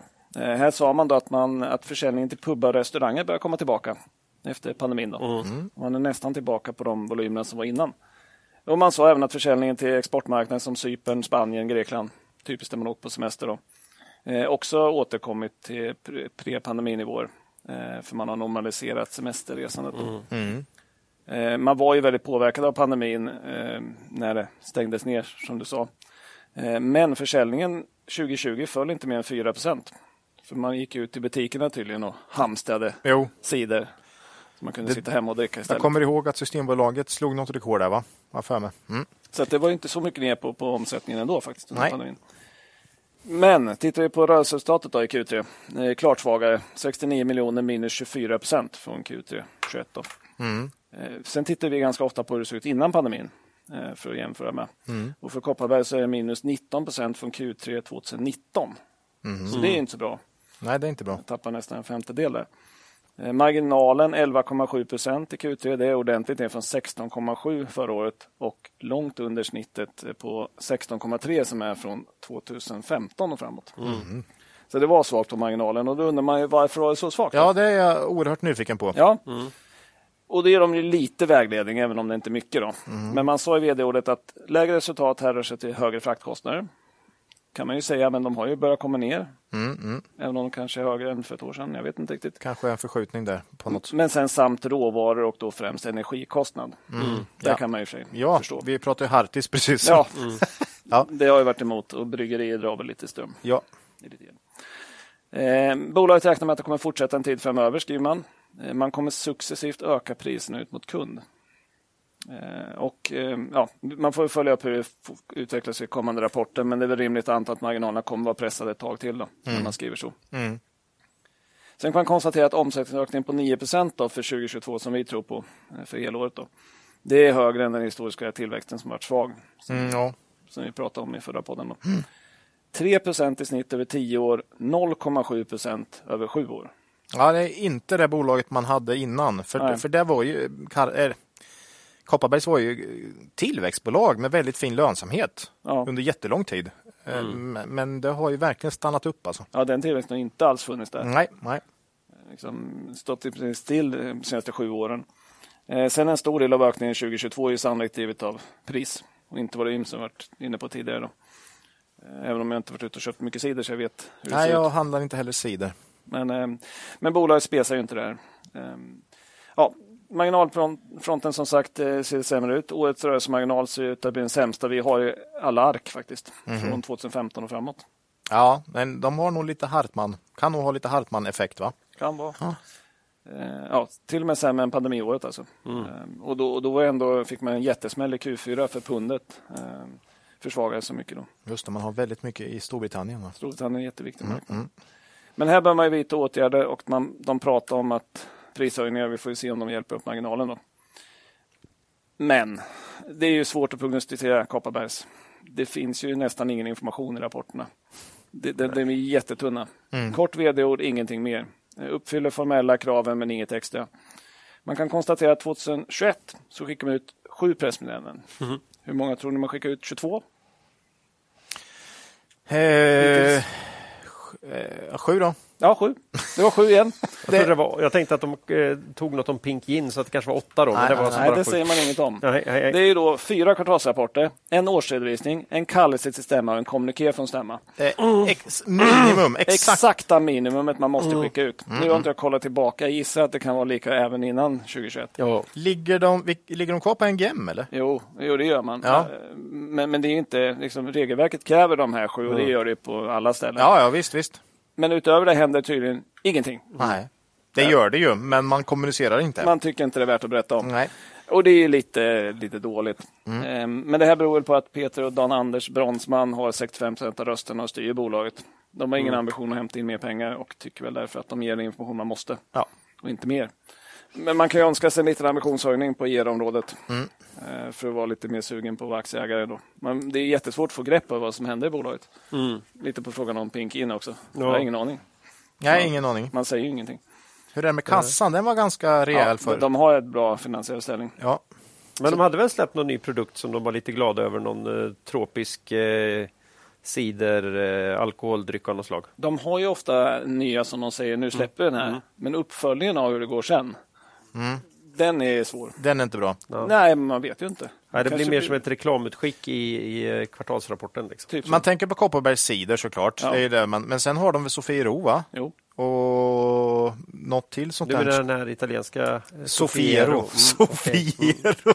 jo, ja, det var precis det jag tänkte på. Ja. Nej, men man vill ju ha nya grejer också. Ja. Eh, Jo, och de har lanserat massa nya grejer. Ja. Men då vill man ju kanske veta hur går det med de var, nya var, var inte de, eh, slogs inte de in i det här al liksom alkoholsatt vatten och sånt där? Jo, de, det, det det, jo, men det har, sjukaste jag Det är sjukt. här, jag, jag ska ha nyttigt att dricka vatten, fast jag vill ha lite alkohol också. Den är riktigt sjuk för mig. Ja, Men den, är, den är svår att ta in. Det här var ju nyheter för mig. Det här hade jag missat. Sånt här brukar jag ju älska. Ja, det här måste jag forska på. Mm. Ja, kolla, jag, jag, jag vågar inte säga för mycket, jag, har- jag har liksom inte läst på om det här, men på något sätt var det, det finns produkter alltså med i princip alkoholsatt vatten. Ju. Ja, för att folk vill inte ha socker och de vill inte ha sötningsmedel och så här. Och så, Men ja, jag fattar. v- hur gott kan det vara? Jag kan, inte- det kan inte vara gott. Det är alltså. ju yrsla du vill åt. Ja. Men, men vet du hur, eh, hur det, vart du inte ska leta? På Systembolaget? I Kopparbergs rapporter. För där hittar du inte hur det har gått. Nej, nej, nej. jag skojar lite med men det är, det är faktiskt lite för klent. Det är lite för Ja, klent. ja, Ja. Ja, ja, skitsamma. Eh, Kopparbergs har en vinst per aktie på rullande 12 på 9,30. Mm. Med aktiekurs 135 som det var nyss. Eh, så ger det bakåtblickande P 14,5. Mm. Det är inte lätt att gissa utvecklingen framåt, eh, som vi sa. Men vi har gissat på 9 kronor, skulle ge P 15. Mm. Det är ju klart lägre än 10-årssnittet då, som är 18,5. Jo. Och det känns ju högt. Ja, dels har de nog kommit från högre i och med att de växte tidigt. Mm. Sen har de väl lite Hartman, den här stabilt lågkonjunktur, eller hur? Eh, Kan klara Mm. Ja, sig. de har ju höga stabila marginaler, det gillar ju börsen. Ja, Ja, ja. kolla ICA eller något. Liksom. Visst, så att de kanske, marknaden kanske kommer ha 14-15 på dem. Ja. Jag vet inte. Men, man har även eh, utdelningen om man höjt eller håller oförändrad de senaste tio åren. ja, det är ju också en och det är också en positiv- sån. Ja. Liksom. Men då är, borde den vara ganska rejäl nu. här Ja, 7,25 delar man ut i, i år. Okej. 5,3 procent Mm. direktavkastning. Och jag tror att man kan hålla den oförändrad igen. Då. Ja. Man har stark balansräkning. Eh, så Mm, eh, man, det tror jag man kan göra. Eh, så, som utdelningsaktie förstår man ju lockelsen här. Ja, ja. Eh, men för oss är tillväxten är för låg. Alldeles för dåliga. Eh, För, för P 15 här. Samtidigt, de skulle, alltså om, om, om det nu är som de säger, i och med att det är lite svårt att läsa, Ja. det skulle kunna vara så att om nu, precis som Hartman, eh, har blivit drabbade ganska hårt av de här insatspriserna och om de normaliseras till viss del, då skulle de ju kunna få en hygglig marginalboost liksom, faktiskt. Mm. Eh, nu var ju ändå inte omsättningen upp så mycket. Nej, det växer inte så mycket Nej, ändå. Hartman var ju plus 37 Ja. här. Så, så det är ju lite skillnad då, men, men ändå. Det, Plus att Hartman överraskar lite grann i Q4 med sin prognos, medan man här säger att det kommer fortsätta. Ja, det, det, det är skillnad. Men ändå har de lite grann, och dessutom lite sådär lågkonjunktur bett kanske, Ja. eh, möjligtvis, båda två. Jo, det kan man säga, Mm. för de, man är ner 15 procent i år. Ja, Index är ner, i alla fall småbolagsindex är ner nästan dubbla. Jag kommer inte ihåg hur mycket. det är. Mm. Ja, 25 Ja, kanske. 25 Mm, ja. mm. Så att här har man ju hållit, man har ändå varit en stabil aktienindex, Ja, vilket ja. man ska vara. ja. Eh, ja. Det känns ändå som att de skulle kunna hålla vinst. Ja, om man tror på vinstminskningen i ganska mycket bolag så skulle kanske Kopparbergs kunna hålla det Ja, nästa år alla men det har ju vi i princip gissat på. Ja, ja. Mm. Ändå. Ja. Att, eh, nej, men ja, det- ja, det- för det dålig tillväxt är det Ja, väl. Det är lite väl dålig som, tillväxt, men tämligen stabilt. och lite för dålig information. Lite för lite information. Ja, ja, inte så, den kanske inte är så dålig, Nej, men, det är men så- det, det är för lite. det är precis, exakt så. Det är liksom minnet Mm. eh, eh, bra men kort eller vad var. Nej. Ja, så det var Kopparbergs. Det var Kopparbergs. Ja, Ja, Så här är det juletider. Kopparbergs. Ja, det det de har massa ju. juledrycker, det kanske Ja, de inte det har de säkert, men ingen glögg vad jag vet va. Det var ju de här eh, finska, eh, Altiar de hette. De, Ja. de hade ju glögg och grejer va? Ägde inte de Blossa har jag för mig? Och Och nu kommer du med svåra. De Ja, hade många nej, fina det var så länge sedan vi pratade. Den Ja. här, det var ju den här nordiska. Vi hade De slog ju Kopparbergs, ihop sig. Kopparberg. Vi hade ju en norsk och en eh, Sprit eh, special? Eller? spritspecial hade vi. Eller Jag har alkoholspecial. hållit på med det för länge nu Ola. Nu Ja. börjar det bli dimmigt alltså. Nej. Och då menar jag inte bara på grund av dryckerna. Vi släpper det. Kolla släpper på Kenneth Ålborg. Ja, ja. Eh, Ja, han kommer ha dimmigt efter den inspelningen. Eh, tack säger vi. Ja. Eh, New Wave. Vi Ja. hade ju den stora äran att i måndags få intervjua Torsten Jansson, grundare och VD på New Wave. Det här är ju bolaget som går från klarhet till klarhet i de senaste kvartalsrapporterna. Och vi kopplar som vanligt upp oss på Squadcast om man undrar över ljud och så. Eh, för det var ju dags för distansintervju. Och ja, vi redde ut frågan om det stora lagret en gång för alla. Mm. Så resultatet kommer här. Jaha, då har vi den eh, stora äran att ha med oss Torsten Jansson från New Wave. Välkommen till podden Torsten! Tack så jättemycket. Jättekul att du vill vara med här hos oss. Eh, New Wave är ju ett bolag vi har haft med många, många gånger i, i podden och nu kan vi få höra lite mer om historien bakom och, och vad som händer. Eh, kan du berätta lite om din bakgrund och hur du startade New Wave? Jag började ju tidigt. Jag gjorde egentligen militärtjänsten och direkt efter det så jobbade jag en kort tid på ett mejeri och sen startade jag ett skrintryckeri. Eh, Ett företag som så att säga fungerar som en av våra återförsäljare idag. Och på den vägen är det kan man säga. Ja. Verkligen byggt det, verkligen byggt det från grunden.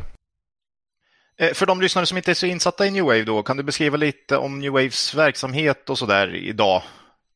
Ja, eh, vi har ju idag två affärsområden egentligen. Då. Det ena är som vi kallar profil och det är oftast det som är vad ska jag säga, svårast att, att förstå för människor och investerare. Eh, där säljer vi ju profilkläder, yrkeskläder, presentreklam, gåvor via återförsäljare eh, till företag och även föreningar runt om i världen. Då. Eh, och sen är det andra detaljhandel. Eh, och eh, där säljer vi olika varumärken till retailkedjor. Och det är oftast lättare för, för människor att associera med, för där är det ju, är det Kraft till exempel, är det Intersport eller Stadium eller den typen av kunder. I Rödafors, Gustav Boda, är det NK eller Servera. Eh, däremot återförsäljarna på profil är ofta små familjeföretag och en väldigt, väldigt fragmenterad marknad. Eh, vi har väl idag ungefär 45 000 återförsäljare på profil i Europa och eh, 10-15 000 i USA och Kanada. Då. Eh, och, och sen utöver det ska man säga att vi är indelat i tre olika produktområden. Eh, där gåvor och heminredning är ett och eh, där sport är ett annat. Och det tredje är då det vi kallar företag som ju är produkt och avställd profil. Gemensamt för det här är ju då att eh, vi utgår alltid från kundens behov. Det är svårt för många analytiker att förstå om man utgår från produkten. Då kan man lätt fråga sig vad en t-shirt att göra med en penna eller en kristallvas. Eh, men vi, våra återförsäljare på profil säljer i princip samtliga våra varumärken, även de som är klassificerade som retailvarumärken. Så om man som liten förening, fotbollsförening ska köpa en, ett craftställ då till, sin, eh, till ett fotbollslag då eh, med tryck, klubbens tryck på, är det via profil och eh, Intersport då kanske eller? Ju- Just eh, idrottsklubbar är ju i första hand eh, Stadium Intersport, Ja, Team Sport, ja, kan man säga de tre stora kunder om du tar svensk marknad. var ligger de? Är det profil då? Nej, då ligger de på sport. Okej, okej, då Om ligger det, de på om det är sport. kraft. Men Ja. det är det här som också är, om man kan ta ett exempel där, om man till exempel tar in några större föreningar vi har som är Hammarby. Eh, så pratar man Hammarby, då tänker nästan alla direkt bara på kraft, för det är kraft på planen och det är kraft träningskläder. Mm. Men om man går in och tittar på deras eh, eh, fanshop till exempel, så hittar man ju allting från Adlerfors glasmärkta Hammarby till pennor, Ja. till handdukar och så vidare. Så att klubbiten är så mycket mer än bara det som är på plan. Absolut. Om vi kollar lite globalt då, hur, eh, vilka är era största marknader rent geografiskt? Eh, absolut, eller störst idag är USA. Och det var det även innan pandemin. Sen fick eh, eh, USA väldigt mycket stryk under pandemiåren.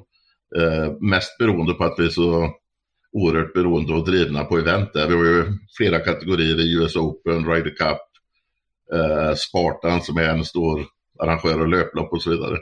Och när hela idrotten låg nere då, eh, så var det ju mest, mest tryck på amerikanska marknaden. Men den har ju återhämtat sig starkast också, är idag störst. Eh, följt av eh, Sverige. Och sen eh, eh kommer ju, ja, då kan du säga Skandinavien och Europa. Är det, är det, vart ser du störst tillväxtpotential? Då? Alltså re, rent geografiskt menar jag. Ja, rent geografiskt, det är fortfarande USA och eh, även Kanada. Kanada är ju en marknad som vi gick in i för några år sedan. Som passar oss väldigt, väldigt bra för du kan säga att det är samma klimat som, som zon och det liknar Sverige på många sätt. Då. Och det växer väldigt, väldigt fort idag. Det kan man säga däremot om man kommer ner till exempel till, tar man USA som marknad, så är det ju stora delar av vårt produktutbud som inte fungerar i Kalifornien eller i Florida för det är tänkt för, för varmt. Det säljs inte så mycket underkläder och längdåkning och annat där. nej, nej.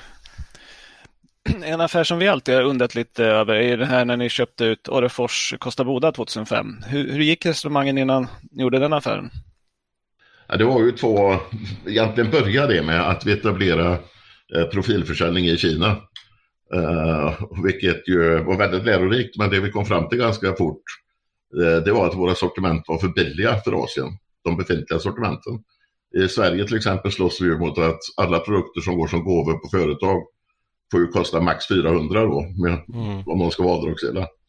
Uh, Kina var tvärtom, så att vi började faktiskt som distributör för Orrefors och Kosta Boda på företagsmarknaden i Kina. Och sen uteblev leveranserna till oss. Så att vi tappade flera kunder, eh, stora kunder på grund av att vi inte fick leveranser som då var utlovat. Och då åkte jag egentligen till eh, Orrefors och Kosta för att kräva kompensation för det. Eh, och hittade ju ett företag som jag upplevde var i spillra kan man säga, och väldigt, väldigt eh, dåligt skött och så vidare. Eh, och mitt resonemang var ju att eh, vi skulle kunna behålla den försäljningen de hade på, eh, mot detaljhandeln men då addera på hela profilförsäljningen. Mm. Uh, och det är ju det som man kan säga de senaste åren verkligen har gett uh, positiva resultat. Då. Ja, det, det är ju en fantastisk ja, resa ni har, gjort, ni har gjort där. Jag är ju en av de här som inte förstod det här alls då, så jag får väl be om, be om ursäkt för att jag tidigt tyckte att det var det konstigaste jag sett. Jag tänkte att det var någon slags lokalpatriotism eller någonting. Försökte hitta den kopplingen men ja, det har man ju fått äta upp då. Så fantastiskt jag, jobbat. Jag, jag hänvisar gärna till, till Hammarbys eh, sida där igen, deras shop. Mm. För mm. att då, då får man kundperspektivet. Mm. Och, och, du kan säga att eh, då är till exempel klubb inte bara Kraft utan då är det och till och med du har även Jobbman till exempel på, på deras fanshop mm. som varumärke. Så det är hela tiden kundens behov ut, utgår från och inte produkten. Mm. Jag, jag, jag, kände det som att du skulle rädda, att du så, såg det som din, din uppgift att rädda en nationalskatt i, i Småland där. Det var, det var lite mer så jag, som, som ett välgörenhetsprojekt med, men, men nej. Nej, nej. det var det inte. mm. och, och är inte. Nej. Ja. Ja, men, men du sa ju att företaget var lite i spillror. Vad, vad var det ni fick göra då för att, vända, för att vända det här? För att det är ju inte helt lätt ändå så att säga. Ja, det, det börjar ju ganska bra faktiskt. Så att, att vi gick ju plus där det året vi tog över, vilket i och för sig var en säsongseffekt mer. Eh, och sen gick det ju faktiskt med plus 06, 07. Och det vi gjorde det var ju att dra ner kostnaderna ordentligt och ökade på försäljningen då. Framförallt på profilsidan eller företagssidan när man tidigare inte hade sålt. Sen fick vi ju en, eh, några riktigt svåra år där när finanskrisen kom. Och du kan säga att det började egentligen med USA var då näst största marknad med en omsättning som mest på 25 miljoner dollar mm. och en dollarkurs som stod på runt 10. Och eh, när finanskrisen då, eller när lågkonjunkturen kom i USA kan man ju börja med att säga, som sen blev finanskrisen, så sjönk ju marknaden radikalt där så att vi tappade ju på några få år från, sägs från 20, ja vi låg på drygt 20 2007 Eh, miljoner dollar då. Och vi tappade ner till 6. Och samtidigt gick kursen från 10 till 6. Mm. Så att det var ju äh, intäkter på ett par hundra, eller långt över 100 miljoner som försvann från en enda marknad. Mm. Uh, och upp på det då så var den tredje största marknaden efter USA och Sverige var Grekland. Ah. Som ju sen kom 2009 då med, med ett, uh, en hel krasch. Och där gick det från 25 miljoner i försäljning ner till noll. Mm. Eh, och en stor kundförlust. Så att sen var det ju några riktigt jobbiga år där och sen 2012 tog vi beslutet och eh, eh, lägga ner ett av glasbruken och fokusera all produktion till Kosta. Och sen dess har det gått plus då. Mm.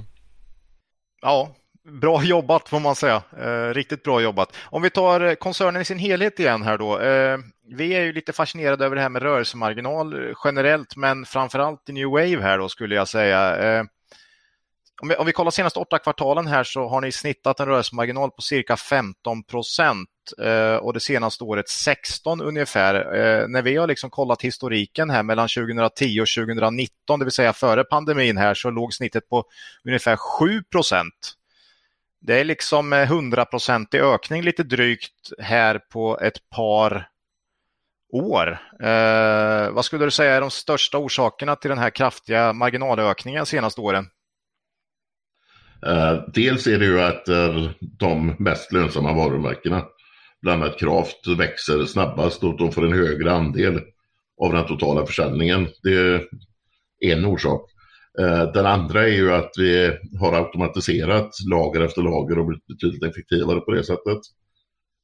Vi får också mycket mer av våra ordrar från återförsäljare då, via business to business på nätet istället för stora orderavdelningar. Eh, sen kan du säga att sen lärde sig ju, pandemin lärde oss ju också någonting och det var att jobba på ett annorlunda sätt.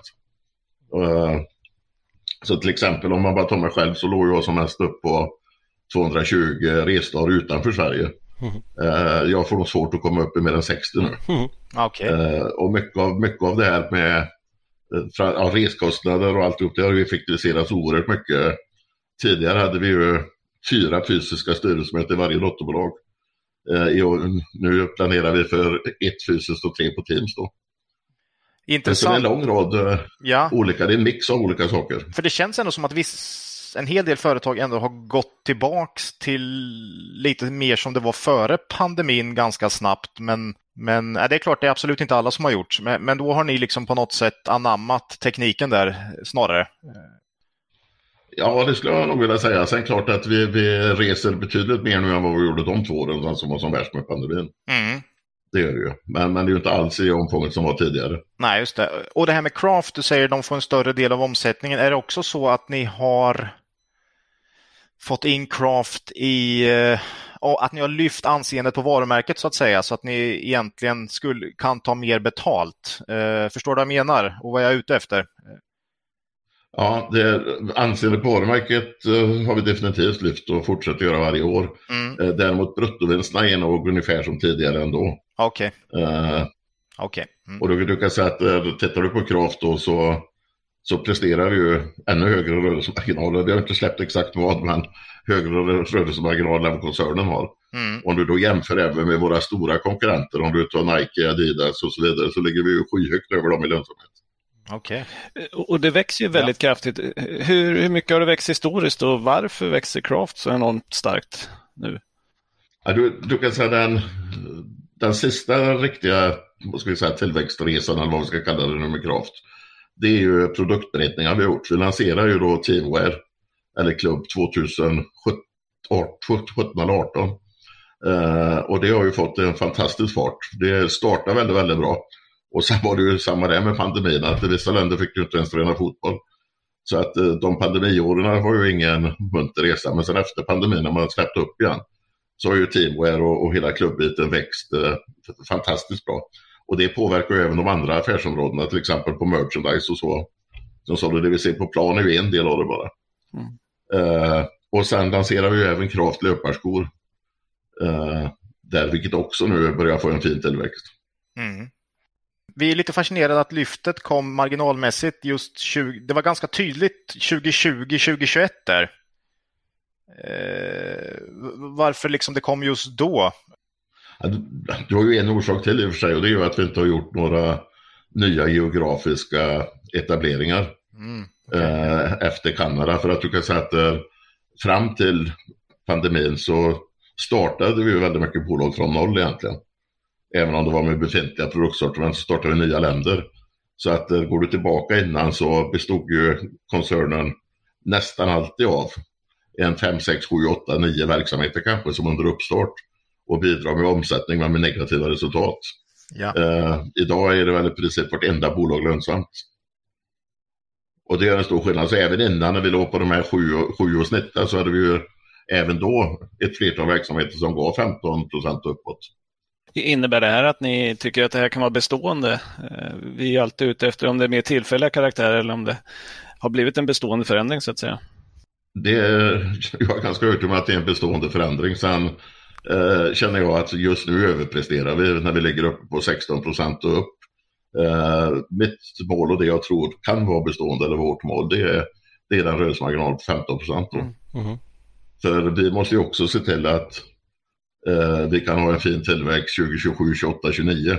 Och då måste vi investera lite mer eh, i produktutveckling och nya bolag än vad vi gjorde eh, under pandemiåren då. Så att kan vi ligga på 15 så är jag stolt och glad. Ja, och den har, man, den har jag varit en av de som inte riktigt har trott på när ni alltid har legat på sju någonting. Men, men, men nu tog ni ett rejält kliv här sista åren faktiskt. Och, och det är ju riktigt imponerande, eh, måste jag säga. Tack! Ja, alltså vi kommer väl hålla oss lite till craft här till också. Det, det är spännande. Jag kan säga att på min yngsta dotters, hon är 14, på hennes önskelista, hon är ju volleybollspelare så har det alltid stått Mikasa och, och eh, de här märkena. Men nu var det craft som gällde, för de kläderna är bäst enligt henne nu.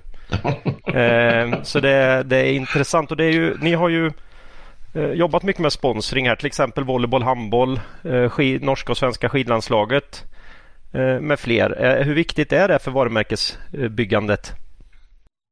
Ja, det är ju en viktig del av det, eh, absolut. Och, det är ju främst eh, den, eh, den saken vi lägger marknadsföringspengar på egentligen.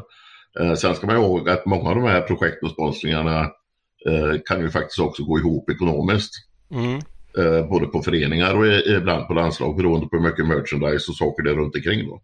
Mm. Men det är klart att landslagen skänker en stor trovärdighet till eh, Eh, produkten.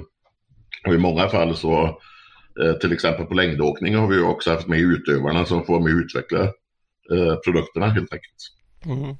Ja, det här med ut, utövarna i fokus har ju ni fått mycket cred för. Ni har ju framförallt vad jag har förstått uppfattas, eller är det en medveten satsning, att ni tar fram kläder för tjejer också på ett sätt som inte har hänt innan.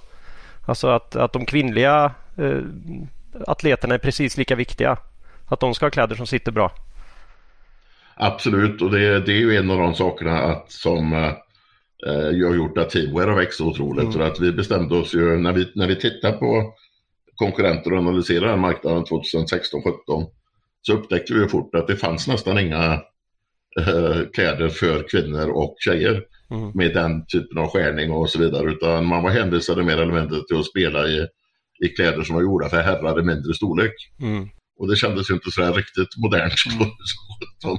Så vi bestämde direkt att vi ska ta fram lika mycket produkter på, på Teamwear-sidan eh, för dagen som vi gör för herr. Och det gjorde vi också. Det, det har ju varit ett lyckokast kan man säga. Men för oss var det ganska naturligt för att eh, vi skulle inte drömma om att, att sätta samma dräkt på Charlotte Kall- Kalla som vi hade till Gunde Svan. Nej. Det är liksom ot- otänkbart i de sporterna. Och då har jag svårt att förstå varför någon som inte spelar handboll eller volleyboll eller fotboll också ska kunna ha en kvinnlig passboll. Mm. Nej, och även, även kvinnliga domare har varit väldigt, väldigt glada för att det, det kommer även domarkläder från Craft som är, Mm. eh, som är anpassade. Mm.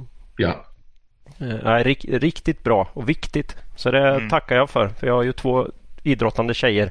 Så det är skoj. ja kul. Vi har redan varit inne på, på lönsamheten för Craft. Där. Ni, ni, ni, ni, har sagt att den är lite högre än marginalen än, än för gruppen i stort. Men, men eh, jag antar att vi eh, får vänta på detaljer kring, kring exakt hur det ser ut eh, framåt. Det får vi vänta på lite till. Ja. Men, men hur ser tillväxtplanerna ut då för Craft framåt? Det växer ju kraftigt i nuläget. Hur, hur ser målsättningen ut framåt? Nej, men målsättningen är ju att verkligen kunna utmana världens största varumärke Mm. på lång sikt. Så är det ju. Och, och det kommer att ske både genom geografiska breddningar, ytterligare produktbreddningar. Vi har till exempel redan berättat att vi nu håller på och utvecklar även fotbollsskor. Eh, så kombinerar man den tillväxten och det vi har sett eh, och lyckats med på löparskor med teamwear-delen så är det ett naturligt steg. Vi kommer också att utveckla skor för indoor, alltså volleyboll, handboll och så vidare. Eh, så att det, det är en mix av produktbreddningar, ökade marknadsandelar och ökad geografi helt enkelt. Hur, hur pass konkurrensutsatt är skor? Det känns som att den marknaden borde vara ganska konkurrensutsatt. Eh, kanske mer till och med än sportkläder, eller hur ser det ut? Den, den är, det är ju stenhård konkurrens, absolut. Och, det, och det, du kan säga det fanns ju ingen, uh, ingen i princip som trodde att vi skulle lyckas med det. Uh, och det är lite ironiskt är att det varit svårast att lyckas i Sverige. Uh, för när vi kommer till våra kunder här så är inte Kraft något skomärke, var det vi fick höra i början. Uh, medan det gick mycket enklare i USA och även, nu kommer vi in även på Kort Inglé uh, för våren, uh, till exempel då, våren som kommer. så att det är hård konkurrens, men jag tycker absolut styrkan i varumärket och, och kvaliteten på de produkterna vi gör, det, då ska vi kunna lyckas. Mm. Mm. Jag får ofta höra, inte, jag har aldrig hört om New Way, men andra företag man är intresserad av och investerat i att nej, hur kan du konkurrensen måste ju vara stenhård. Varför tror du på det företaget för? Den får man ju ofta. Ni verkar ju i, i, i väldigt konkurrensutsatta branscher eh, rakt över. Hur ska, man, hur ska man tänka på konkurrens och det här med vallgrav och företag som verkar i branscher utan större konkurrens och så här. Hur, hur ser du på hela den här New Wave och konkurrenssituation och, som investering? Nej, men det är, det är klart det är, det är en tuff konkurrenssituation. Samtidigt så gäller det ju för oss att, att hitta, vad ska vi säga, öppningar i marknaden eh, på det. Och det har vi ju lyckats med så här långt, det tror jag vi kan fortsätta lyckas med. Uh, går man tillbaka till Teamwear där som exempel så var ju det här med att det inte fanns kvinnlig passform. Det var ju ett, en uh, lucka i marknaden. Mm. det andra vi konstaterade på Team, det var ju att vi kunde göra minst lika bra produkter mm. som de etablerade. Eh, och det tredje var ju då att eh, nästan varenda förening, eh, jag var själv ute och träffade ett antal föreningar, var missnöjda med leveranserna. Man hade väldigt, väldigt svårt att få leveranser till klubbarna. Och för oss då som har bakgrund i profil och vet hur viktigt lagerhållning är på profil, så bestämde vi oss också för att vi ska ge den absolut bästa servicen och lägga upp ordentliga lager. Vilket är inom Teamwear skulle jag säga, mer eller mindre helt ofarligt. Färgmässigt till exempel. Du kan ju till och med få statistik hur många föreningar som har rödvitt och rödblått och gulsvart och grönvitt och så vidare. Mm. Uh, och, och, det har vi ju fullföljt och då tar vi ju marknaden väldigt, väldigt snabbt. Då. Mm. Så det är det med kläder för kvinnor och sen så leverans. Man är bättre helt enkelt än konkurrenterna och så får man ordra affärer på det helt enkelt. Ja, och sen kan vi ju lägga till på Eh, de stora, eller stora föreningarna och klubbarna, där har vi en fördel till och det är ju att vi har återigen bredden i hela vårt sortiment. Från de produkterna som kallas profilkläder i och för sig, men lika gärna är hoodiesar eller t-shirts som publiken och fansen bär på läktarna. Eh, till glasen, till gåvorna och alltihop. Och det är ju ingen annan leverantör som kan erbjuda det. Eh, du, du kan säga att går, man, går en klubb in med Nike på plan så behöver de kanske tio leverantörer till innan de får ihop kaffekopparna till kontoret och mm. hoodiesarna på läktaren och mm. handdukarna i shoppen och så vidare. Då. New Wave Där blir vi också en, ja, ja, i princip inte riktigt allt, men nästan det mesta i alla fall, inom mm. de ramarna vi har. Eh, segment företag då har ju, har ju också vuxit, vuxit riktigt bra under året. Och här undrar man ju hur viktigt det är att kunna erbjuda starka varumärken här. Är det lika viktigt då som segment, för segmentet sport och fritid? Ja, det ska vara starka varumärken för våra återförsäljare i alla fall, att de uppfattar det så. Mm. Eh, sen på eh, sen är inte, det är inte varumärken riktigt på samma sätt. För du kan säga att eh, de produkterna är i huvudsak framtagna för att marknadsföra andra företag eller föreningar eller klubbar. Mm. Så det är ju egentligen bara i nacken man, man ser så att säga vår label då. Eh, och där är ju mer att eh, labeln eller varumärket är en kvalitetsgarant som står för en viss kvalitet då. Mm. Eh, och där är ju vårt mål att uh, köper ett företag till exempel en klickprodukt så nästa gång de ska ha en klickprodukt så ska de ringa återförsäljaren och, och helt enkelt tycka att den förra de fick den var så pass bra så de vill ha klick igen. Mm.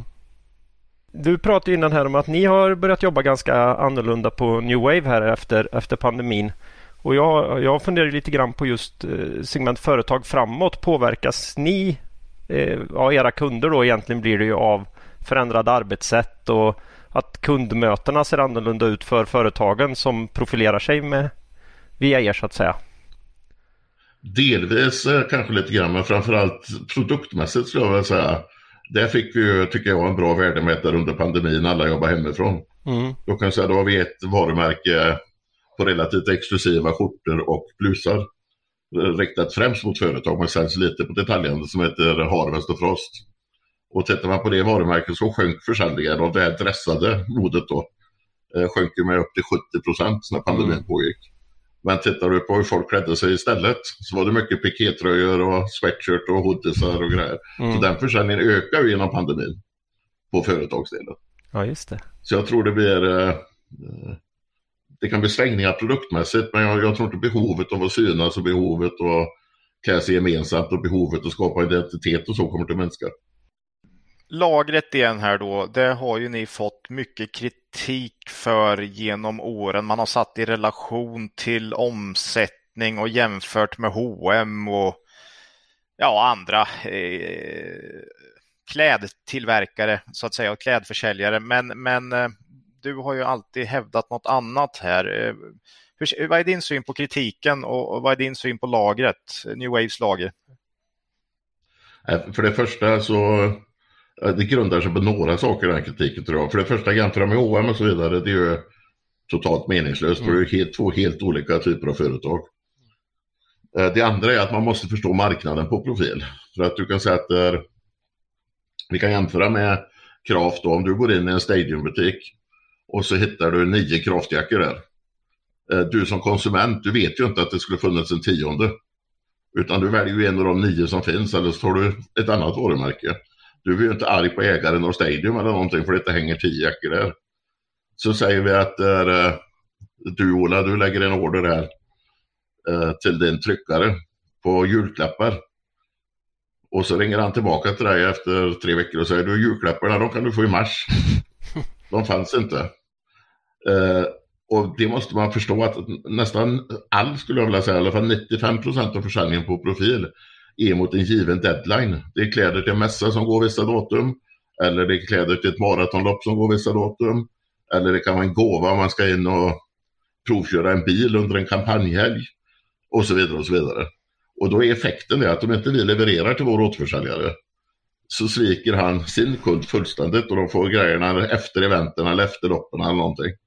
Och då mister vår återförsäljare inte bara den orden utan han mister nästan alltid kunden för kunden vågar aldrig mer lägga något där. Mm. Och det gör då att där leveranssäkerheten är ju det viktigaste kriterierna eh, eller kriteriet för återförsäljarna.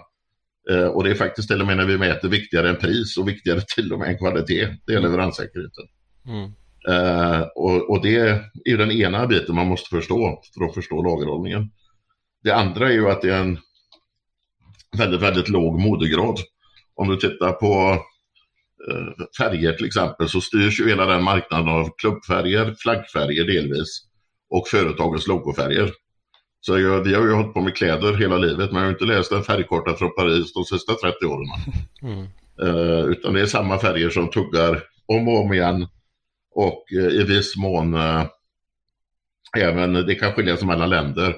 Holl Holland till exempel betraktar vi orange som en basfärg. Det gör vi inte i något annat land då. Mm. Så det är inte vi som styr det heller. Och sen är ju produkterna väldigt basic. Och det är inte heller vi som avgör egentligen utan det är marknaden. Uh, du kan säga kläder du ger bort till företag ska ju, om inte älskas, ska de i alla fall accepteras att bäras av åldern uh, eh, 15-16 år upp till 65 år och av båda könen.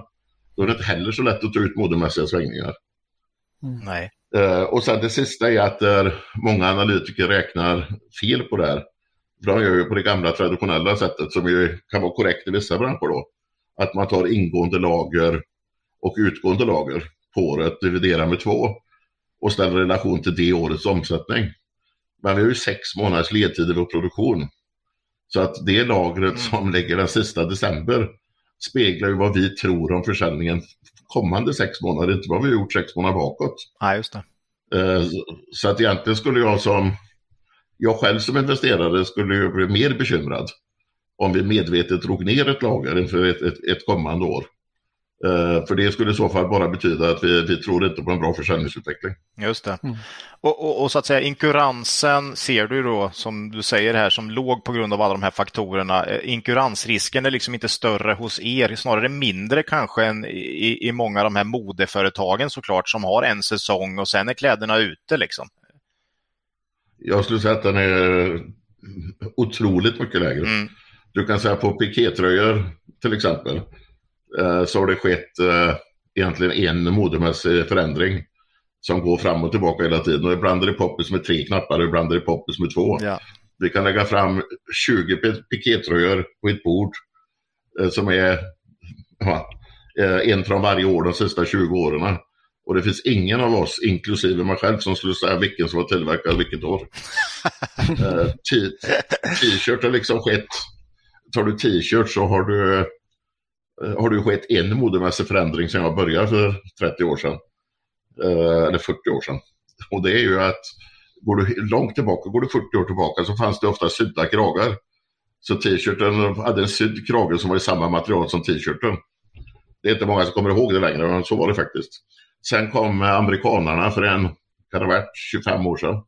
Kanske började med stickade kragar istället. Det är den enda modemässiga förändringen på, på en t-shirt på, på 40 år. Uh, så man kan inte jämföra det med mode överhuvudtaget på, på det sättet. Uh, tar du skjortor som ett annat exempel så får vi ju gör, gör vi ju lite mönstrade skjortor och lite i några andra färger för att kollektionen ska helt enkelt se vettig ut. Men tittar man krasst på försäljningen så är det ju vitt och ljusblått som dominerar fullständigt. Mm. Så att då stryker vi... Ja, jag, ser, jag ser ingen modemässig det faktiskt. Då stryker vi ett streck över det här med lagret för all framtid här nu. Eh, var... en, en, en fråga kring, kring lager. Där. Hela pandemin har ju gjort att eh, leveranserna i alla branscher egentligen har, har, blivit väldigt problematiska med allt från frakter och att det inte har producerats på, ja, särskilt Kina har ju haft eh, problem med produktion där. Hur, hur har det gått med era leveranser under pandemin och har ni haft stor nytta av att haft ett stort lager när ni gick in i pandemin så att säga? Vi har ju absolut haft nytta av att vi hade en stor lager när vi gick in. Och där hade vi ju tillfälligt kan man säga under tre, fyra månaders tid för mycket varor i relation till hur försäljningen såg ut till exempel Q2 första pandemiåret då. Men det gjorde ju att vi kunde eh, vara en bra leverantör genom hela pandemin. Mm. Eh, faktiskt, och det är ju det som också tror jag har gett oss mycket marknadsandelar nu efteråt när återhämtningen kom. Eh, sen var vi ju Eh, väldigt, vi hade väldigt stor nytta av våra, eh, vår starka organisation i Asien. Vi har ju huvudkontor i, för, för inköp, all inköpsåsning och allting är ju Shanghai. Så det är ju faktiskt inte Sverige. Och det var ju lite skakigt när pandemin var så värst på ett sätt. Eh, men med inköpskontor där, några mindre spridda i Kina, Bangladesh, Vietnam och Indien, så klarar vi oss tror jag väldigt, väldigt mycket bättre än många andra. Och de gjorde ett fantastiskt jobb där. Mm. Men finns det en risk här att, att ni kunde ta ut bättre marginaler under pandemin för att ni kunde leverera och era konkurrenter hade svårare att leverera så att säga? Ja, en, ensamma att kunna leverera var vi inte. Nej. Så att det, det skulle jag nog... Uh... Nej, jag tror inte det i alla fall. Mm. Du pratar mycket om eh, Asien här nu. Hur, hur känsliga är ni för valutafluktuationer och så där? USD brukar man ju prata om när man köper från Asien. Ja, uh, ja det, det, man ofta glömmer där det är ju att uh, nu har ju dollarn stärkts mycket mot kronan, men den har ju också stärkts mot den kinesiska valutan. Vilket gör att vi kan ju få lägre FOB-priser uh, eh, i dollar. Sen kan du säga en, en hög dollar slår ju alltid, eller oftast negativt på lönsamheten i, i vissa länder då. men du kan säga att vi har ju intäkter idag i svenska kronor, norska, danska pund, eh, euro, US-dollar, Kanadadollar, slotty. Jag glömmer säkert några. Eh, så det, det, brukar jämna ut sig på ett ganska bra sätt samtidigt som vi kanske får lite svårare att få ut fulla marginaler i Sverige då på grund av dollarkursen. Så kan du säga att andra sidan då så är USA vår största marknad. Mm. Så där konsoliderar vi in både resultat och försäljning på en högre dollarkurs. Då. Ja. Så att valutor är faktiskt inte något som jag funderar så jättemycket över. Nej, det är svårt att påverka också. Skönt det. New Wave var ju historiskt förvärvat bra. Hur, ni har ibland pratat om höga priser på onoterade bolag. Hur ser det ut i dagsläget? Ser ni att det blir någon, faller priserna tillbaka så att säga på onoterade det bolag? Det har absolut blivit lägre prisförväntningar hos säljare de sista sex månaderna. Så Mm. Och nu genomförde vi faktiskt ett förvärv i september också. Ja. Men det var lite hur, roligt. Ett tag, ett tag fick vi nästan kritik för att vi inte hade förvärvat något under så lång tid. Eh, men nu har ju det svängt över så nu säger många att det var ju kloka som avstod vad som helst och, och har bra möjligheter nu när priserna har kommit ner lite då. Så det, det går lite upp och ner så här. Görs det några affärer då? Finns det någon aktivitet på marknaden i stort? Så Absolut.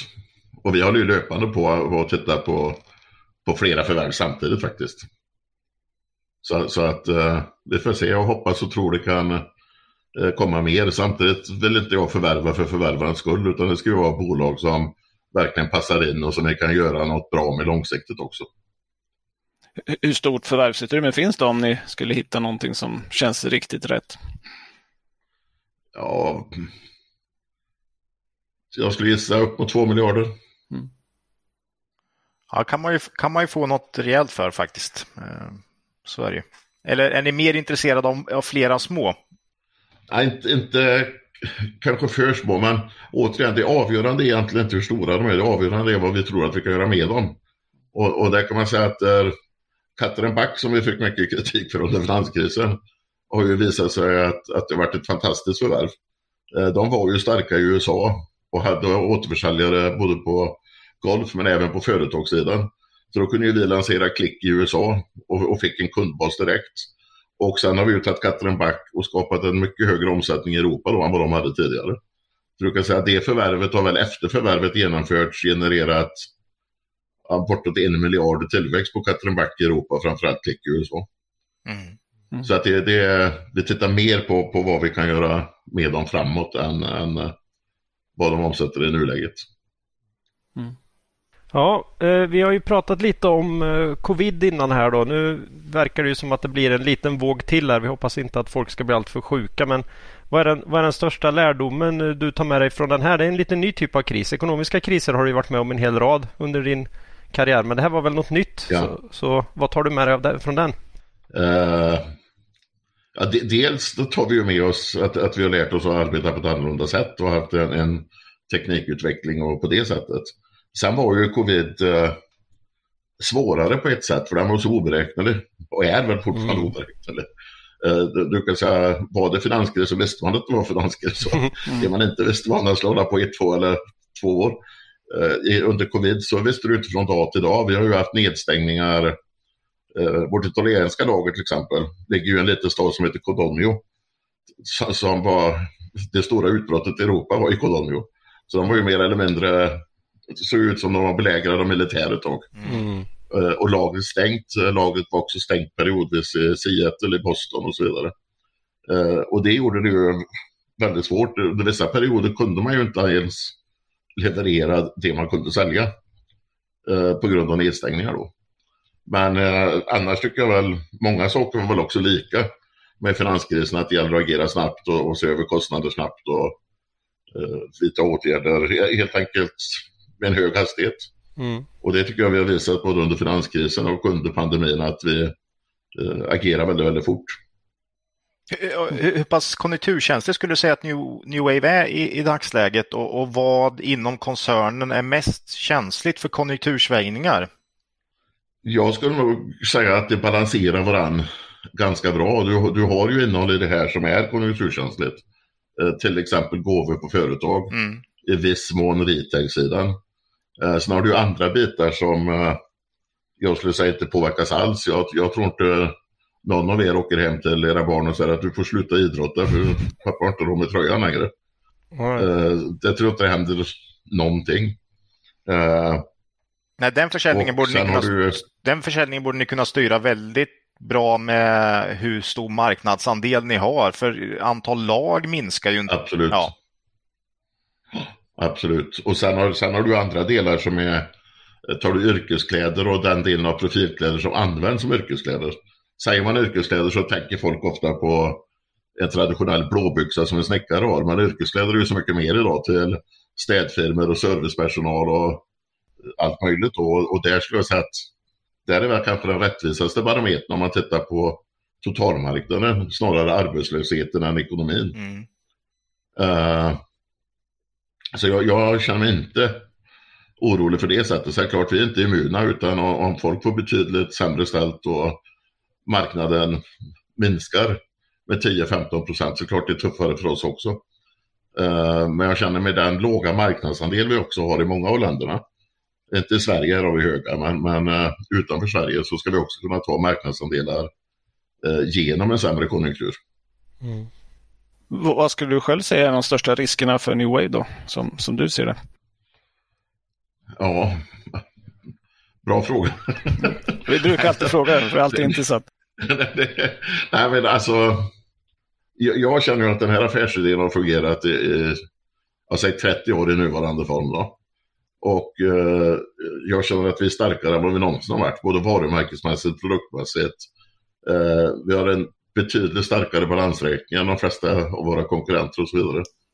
Eh, så jag, jag, inte, jag känner ingen oro på det viset. Det, det är klart återigen att vi, vi, är inte vaccinerade mot en sämre ekonomi så att eh, det är klart det blir tuffare för oss också men jag, jag känner återigen då att vi ska kunna klara en tillväxt eh, även under de omständigheterna men givetvis inte på samma nivå som när allting är frid och fröjd. Mm.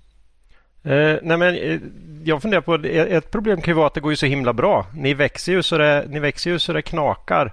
Hur eh, organisation och så liksom. Det är ju många här som har liksom, ja, deras verksamheter växer ju kraftigt naturligtvis. Mm. Eh, har du fått ändra ledarskapsstil ja, eller liksom hur funkar det? Ja, men jag tycker vi har en väldigt, väldigt stark organisation och, och det, många har varit med länge men vi har också många yngre som är på väg upp. Mm. Vi har ju ett antal vd som är mellan 33, 34 är väl det yngsta, upp till 45. Mm. Uh, vi har en stark företagskultur. Det är väldigt få ledningspersoner som, som har valt att sluta under de sista 20 åren. Så att uh, organisationen pallar för betydligt mer än det här. Mm. Vad härligt. Eh, slutligen en kul grej. Vi läste ju här att New Wave skulle upp på large cap va? Efter ja. årsskiftet. Det måste väl kännas som ett erkännande på gott arbete, eller? Ja, jag tycker det är jättekul, för nu har vi ju... Det är ju precis faktiskt 25 år sedan vi börsnoterades. Det var ju mm. slutet av 97. Och sen har vi varit på, då var det OTC-listan, den dåvarande OTC. Och sen blev det O-listan. Och sen tror jag vi hoppade midcap, sen small cap och gick direkt till midcap och nu blir det large cap då. Så vi har ju vandrat hela vägen och det, ja, det är jätteroligt. Vad är nästa steg då? Hur, hur ser den långa visionen ut? Och har, du, har du motivation fortfarande? Ja, jag skulle nog säga att jag har mer motivation än någonsin. Och det är för att jag tycker det här är jätteroligt. Och det kanske jag inte hade tyckt om det hade varit exakt samma verksamhet alltid. Men man får ju hela tiden vara med om nya saker när du startar upp nya produktgrupper eller nya varumärken eller förvärvar eller etablerar nya geografiska marknader och så vidare. Eh, så jag känner mig starkt motiverad. Hur pass, engagerad och, är du, hur pass engagerad är du i den typen av detaljer så att säga? Eller? Det, det beror väldigt mycket på hur stort projektet är och också vd vill i respektive bolag. Jag menar, jag, jag, eh, om någon vill sätta sig ner och prata ner på produktnivå med mig och frivilligt jag ber om det, då, då säger jag ju absolut ja till det och mer ner i detaljerna. Men, men på ett företag som fungerar bra, som har en vd som är självständig, så springer jag runt och och lägger mig i allt för mycket. Vilket jag kanske hade gjort om vi inte hade varit så pass internationella som vi är. För du kan säga att eh, hade vi varit på ett, en ort med en organisation, då tror jag faktiskt inte jag hade varit någon bra ledare för det. För då hade jag nog sprungit och lagt mig i varenda detalj som finns. Mm. mm. Men det blir ju liksom omöjligt både geografiskt och tidsmässigt och tidsomställningar och allting.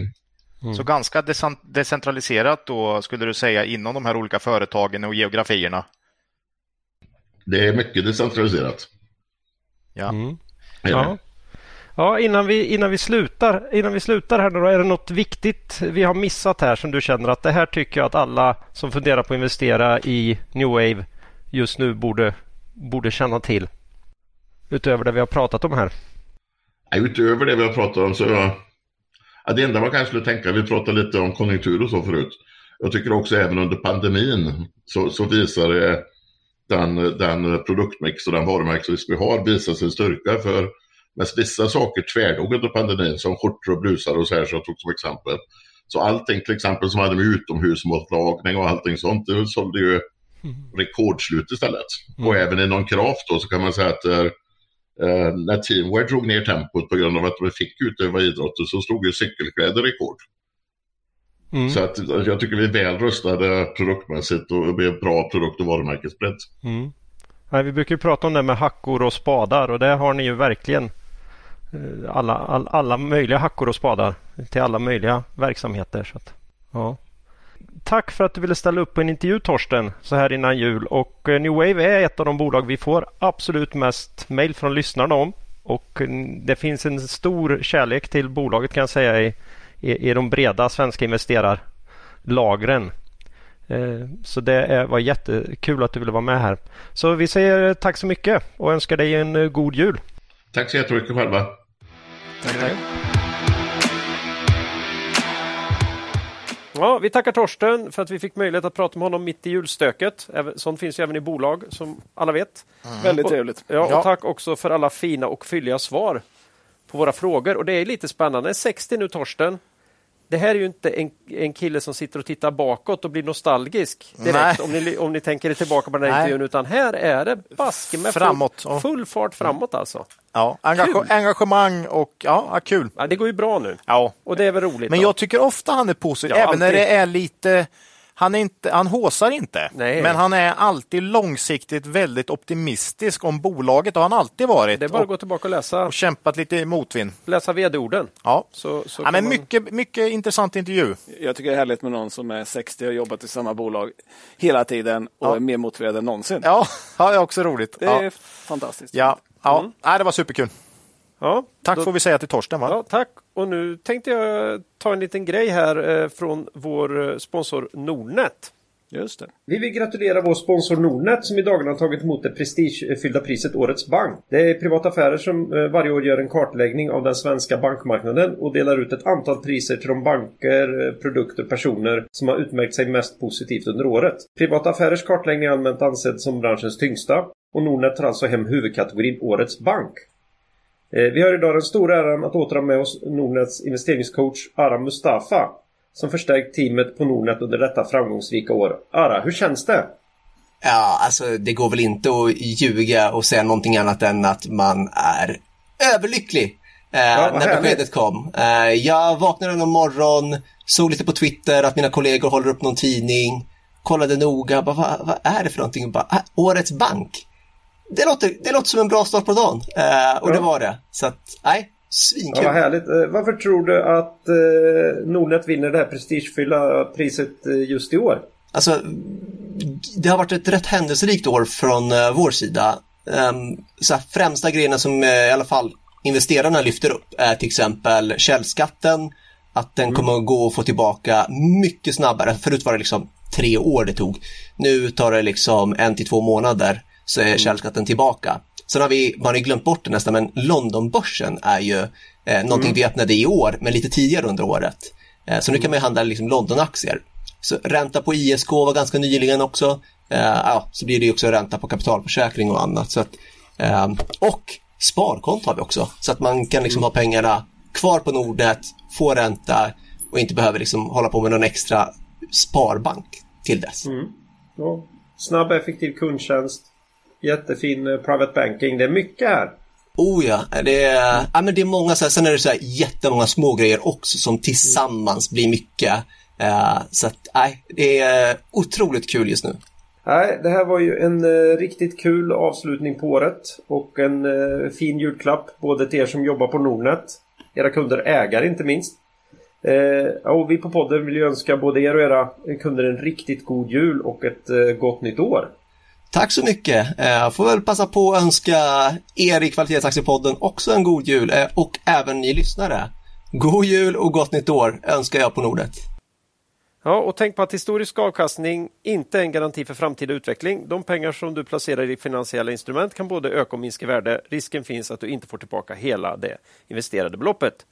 Tack säger vi till årets bank och vår sponsor Nordnet.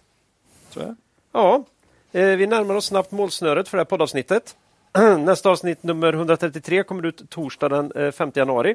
Och Då blir det bland annat ett intress en intressant intervju med Johan Hagberg, huvudägare i Note, som Marcus nämnde tidigare. Man kan mejla oss på kontaktet kvalitetsaktiepodden.se eller kommentera på Twitter eller på vår hemsida kvalitetsaktiepodden.se. Jaha, slutligen någon riktig makro eller tea värde att ta upp idag? Nej, det är tomt. Nej, har, inget, har, har du något? Ja, så här i juletid eh, så träffar man ju gärna både nära och eh, ytligt bekanta i olika sammanhang. Och eh, Jag fick av en annan exilvästgöte igår frågan, eller häromdagen blir det nu, frågan om det varit viktigt för äldre västgötar att ha mycket pengar när de dog. Det, det är ett intressant samtal. Ja, per- personen hade själv fått frågor om det. Och jag känner inte igen att det har varit ett uttalat mål som jag kommer ihåg från min barndom. Men jag tror att många äldre västgötar var ju helt enkelt bönder. Och därför var de sparsamma och ständigt rädda för missväxt och annat elände. Så ett rejält sparkapital, det kunde komma väl till pass och jag tror man såg det som något som följde med gården på, på något sätt. Och, och man tänkte väl att en ny generation där eh, skulle ta över. Att många däremot var rent snåla av, av, av västgötarna från min barn. Det kan jag skriva under på. Det kommer du ihåg. Det kommer jag ihåg. Och jag, kan, jag är osäker på om jag har tagit min eh, favoritsnål västgötehistoria i podden tidigare. Men så här i jultider så är det väl okej med repris om jag har gjort det. Ja, Ja. shoot. Eh, Det här utspelar sig i en lanthandel i mitten av förra seklet eh, då en erkänt snål västgöte kommer in eh, på den ja, lokala affären. De hade man ju sådana ute, lanthandlar, lanthandlar där ute. Då. Och på den tiden var ju all chark bakom disk. Mm. Ja, så västgöten här, han ber ju helt enkelt handlaren om att få köpa för fem öre falukorv. Ja, det är inte mycket. Ja, ha- handlaren tittar upp och säger det går inte. Jag kan omöjligt skära upp så lite korv.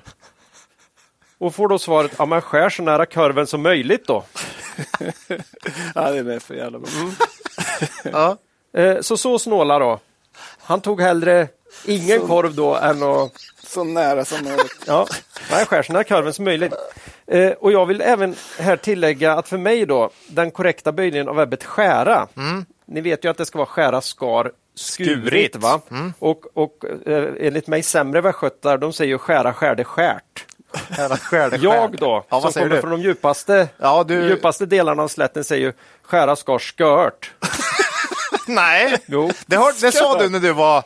Ja, ja, ja. Det kan du fortfarande Han har slänga ur. skört sig. Ja, Okej. Ja, ja, det... Hur var den Så här då med... var det dagens eh, språklektion. Fantastiskt! Lite västgötska fick vi prov på här. Ja. Hur, hur var den här med smålänningen och västgöten? För det, det har ju tampats, de har ju alltid krigat ju- om är vem ju- som är snålast. Den va? är ju roligare, men jag kan inte härma en smålänning. Men, men en smålänning frågar ju alltid vad kostar det? Ja. Och en västgöte frågar alltid kostar det något? och det är ju också... Det är också en, en nivå till så att Ja, säga. Va? Ja, ja.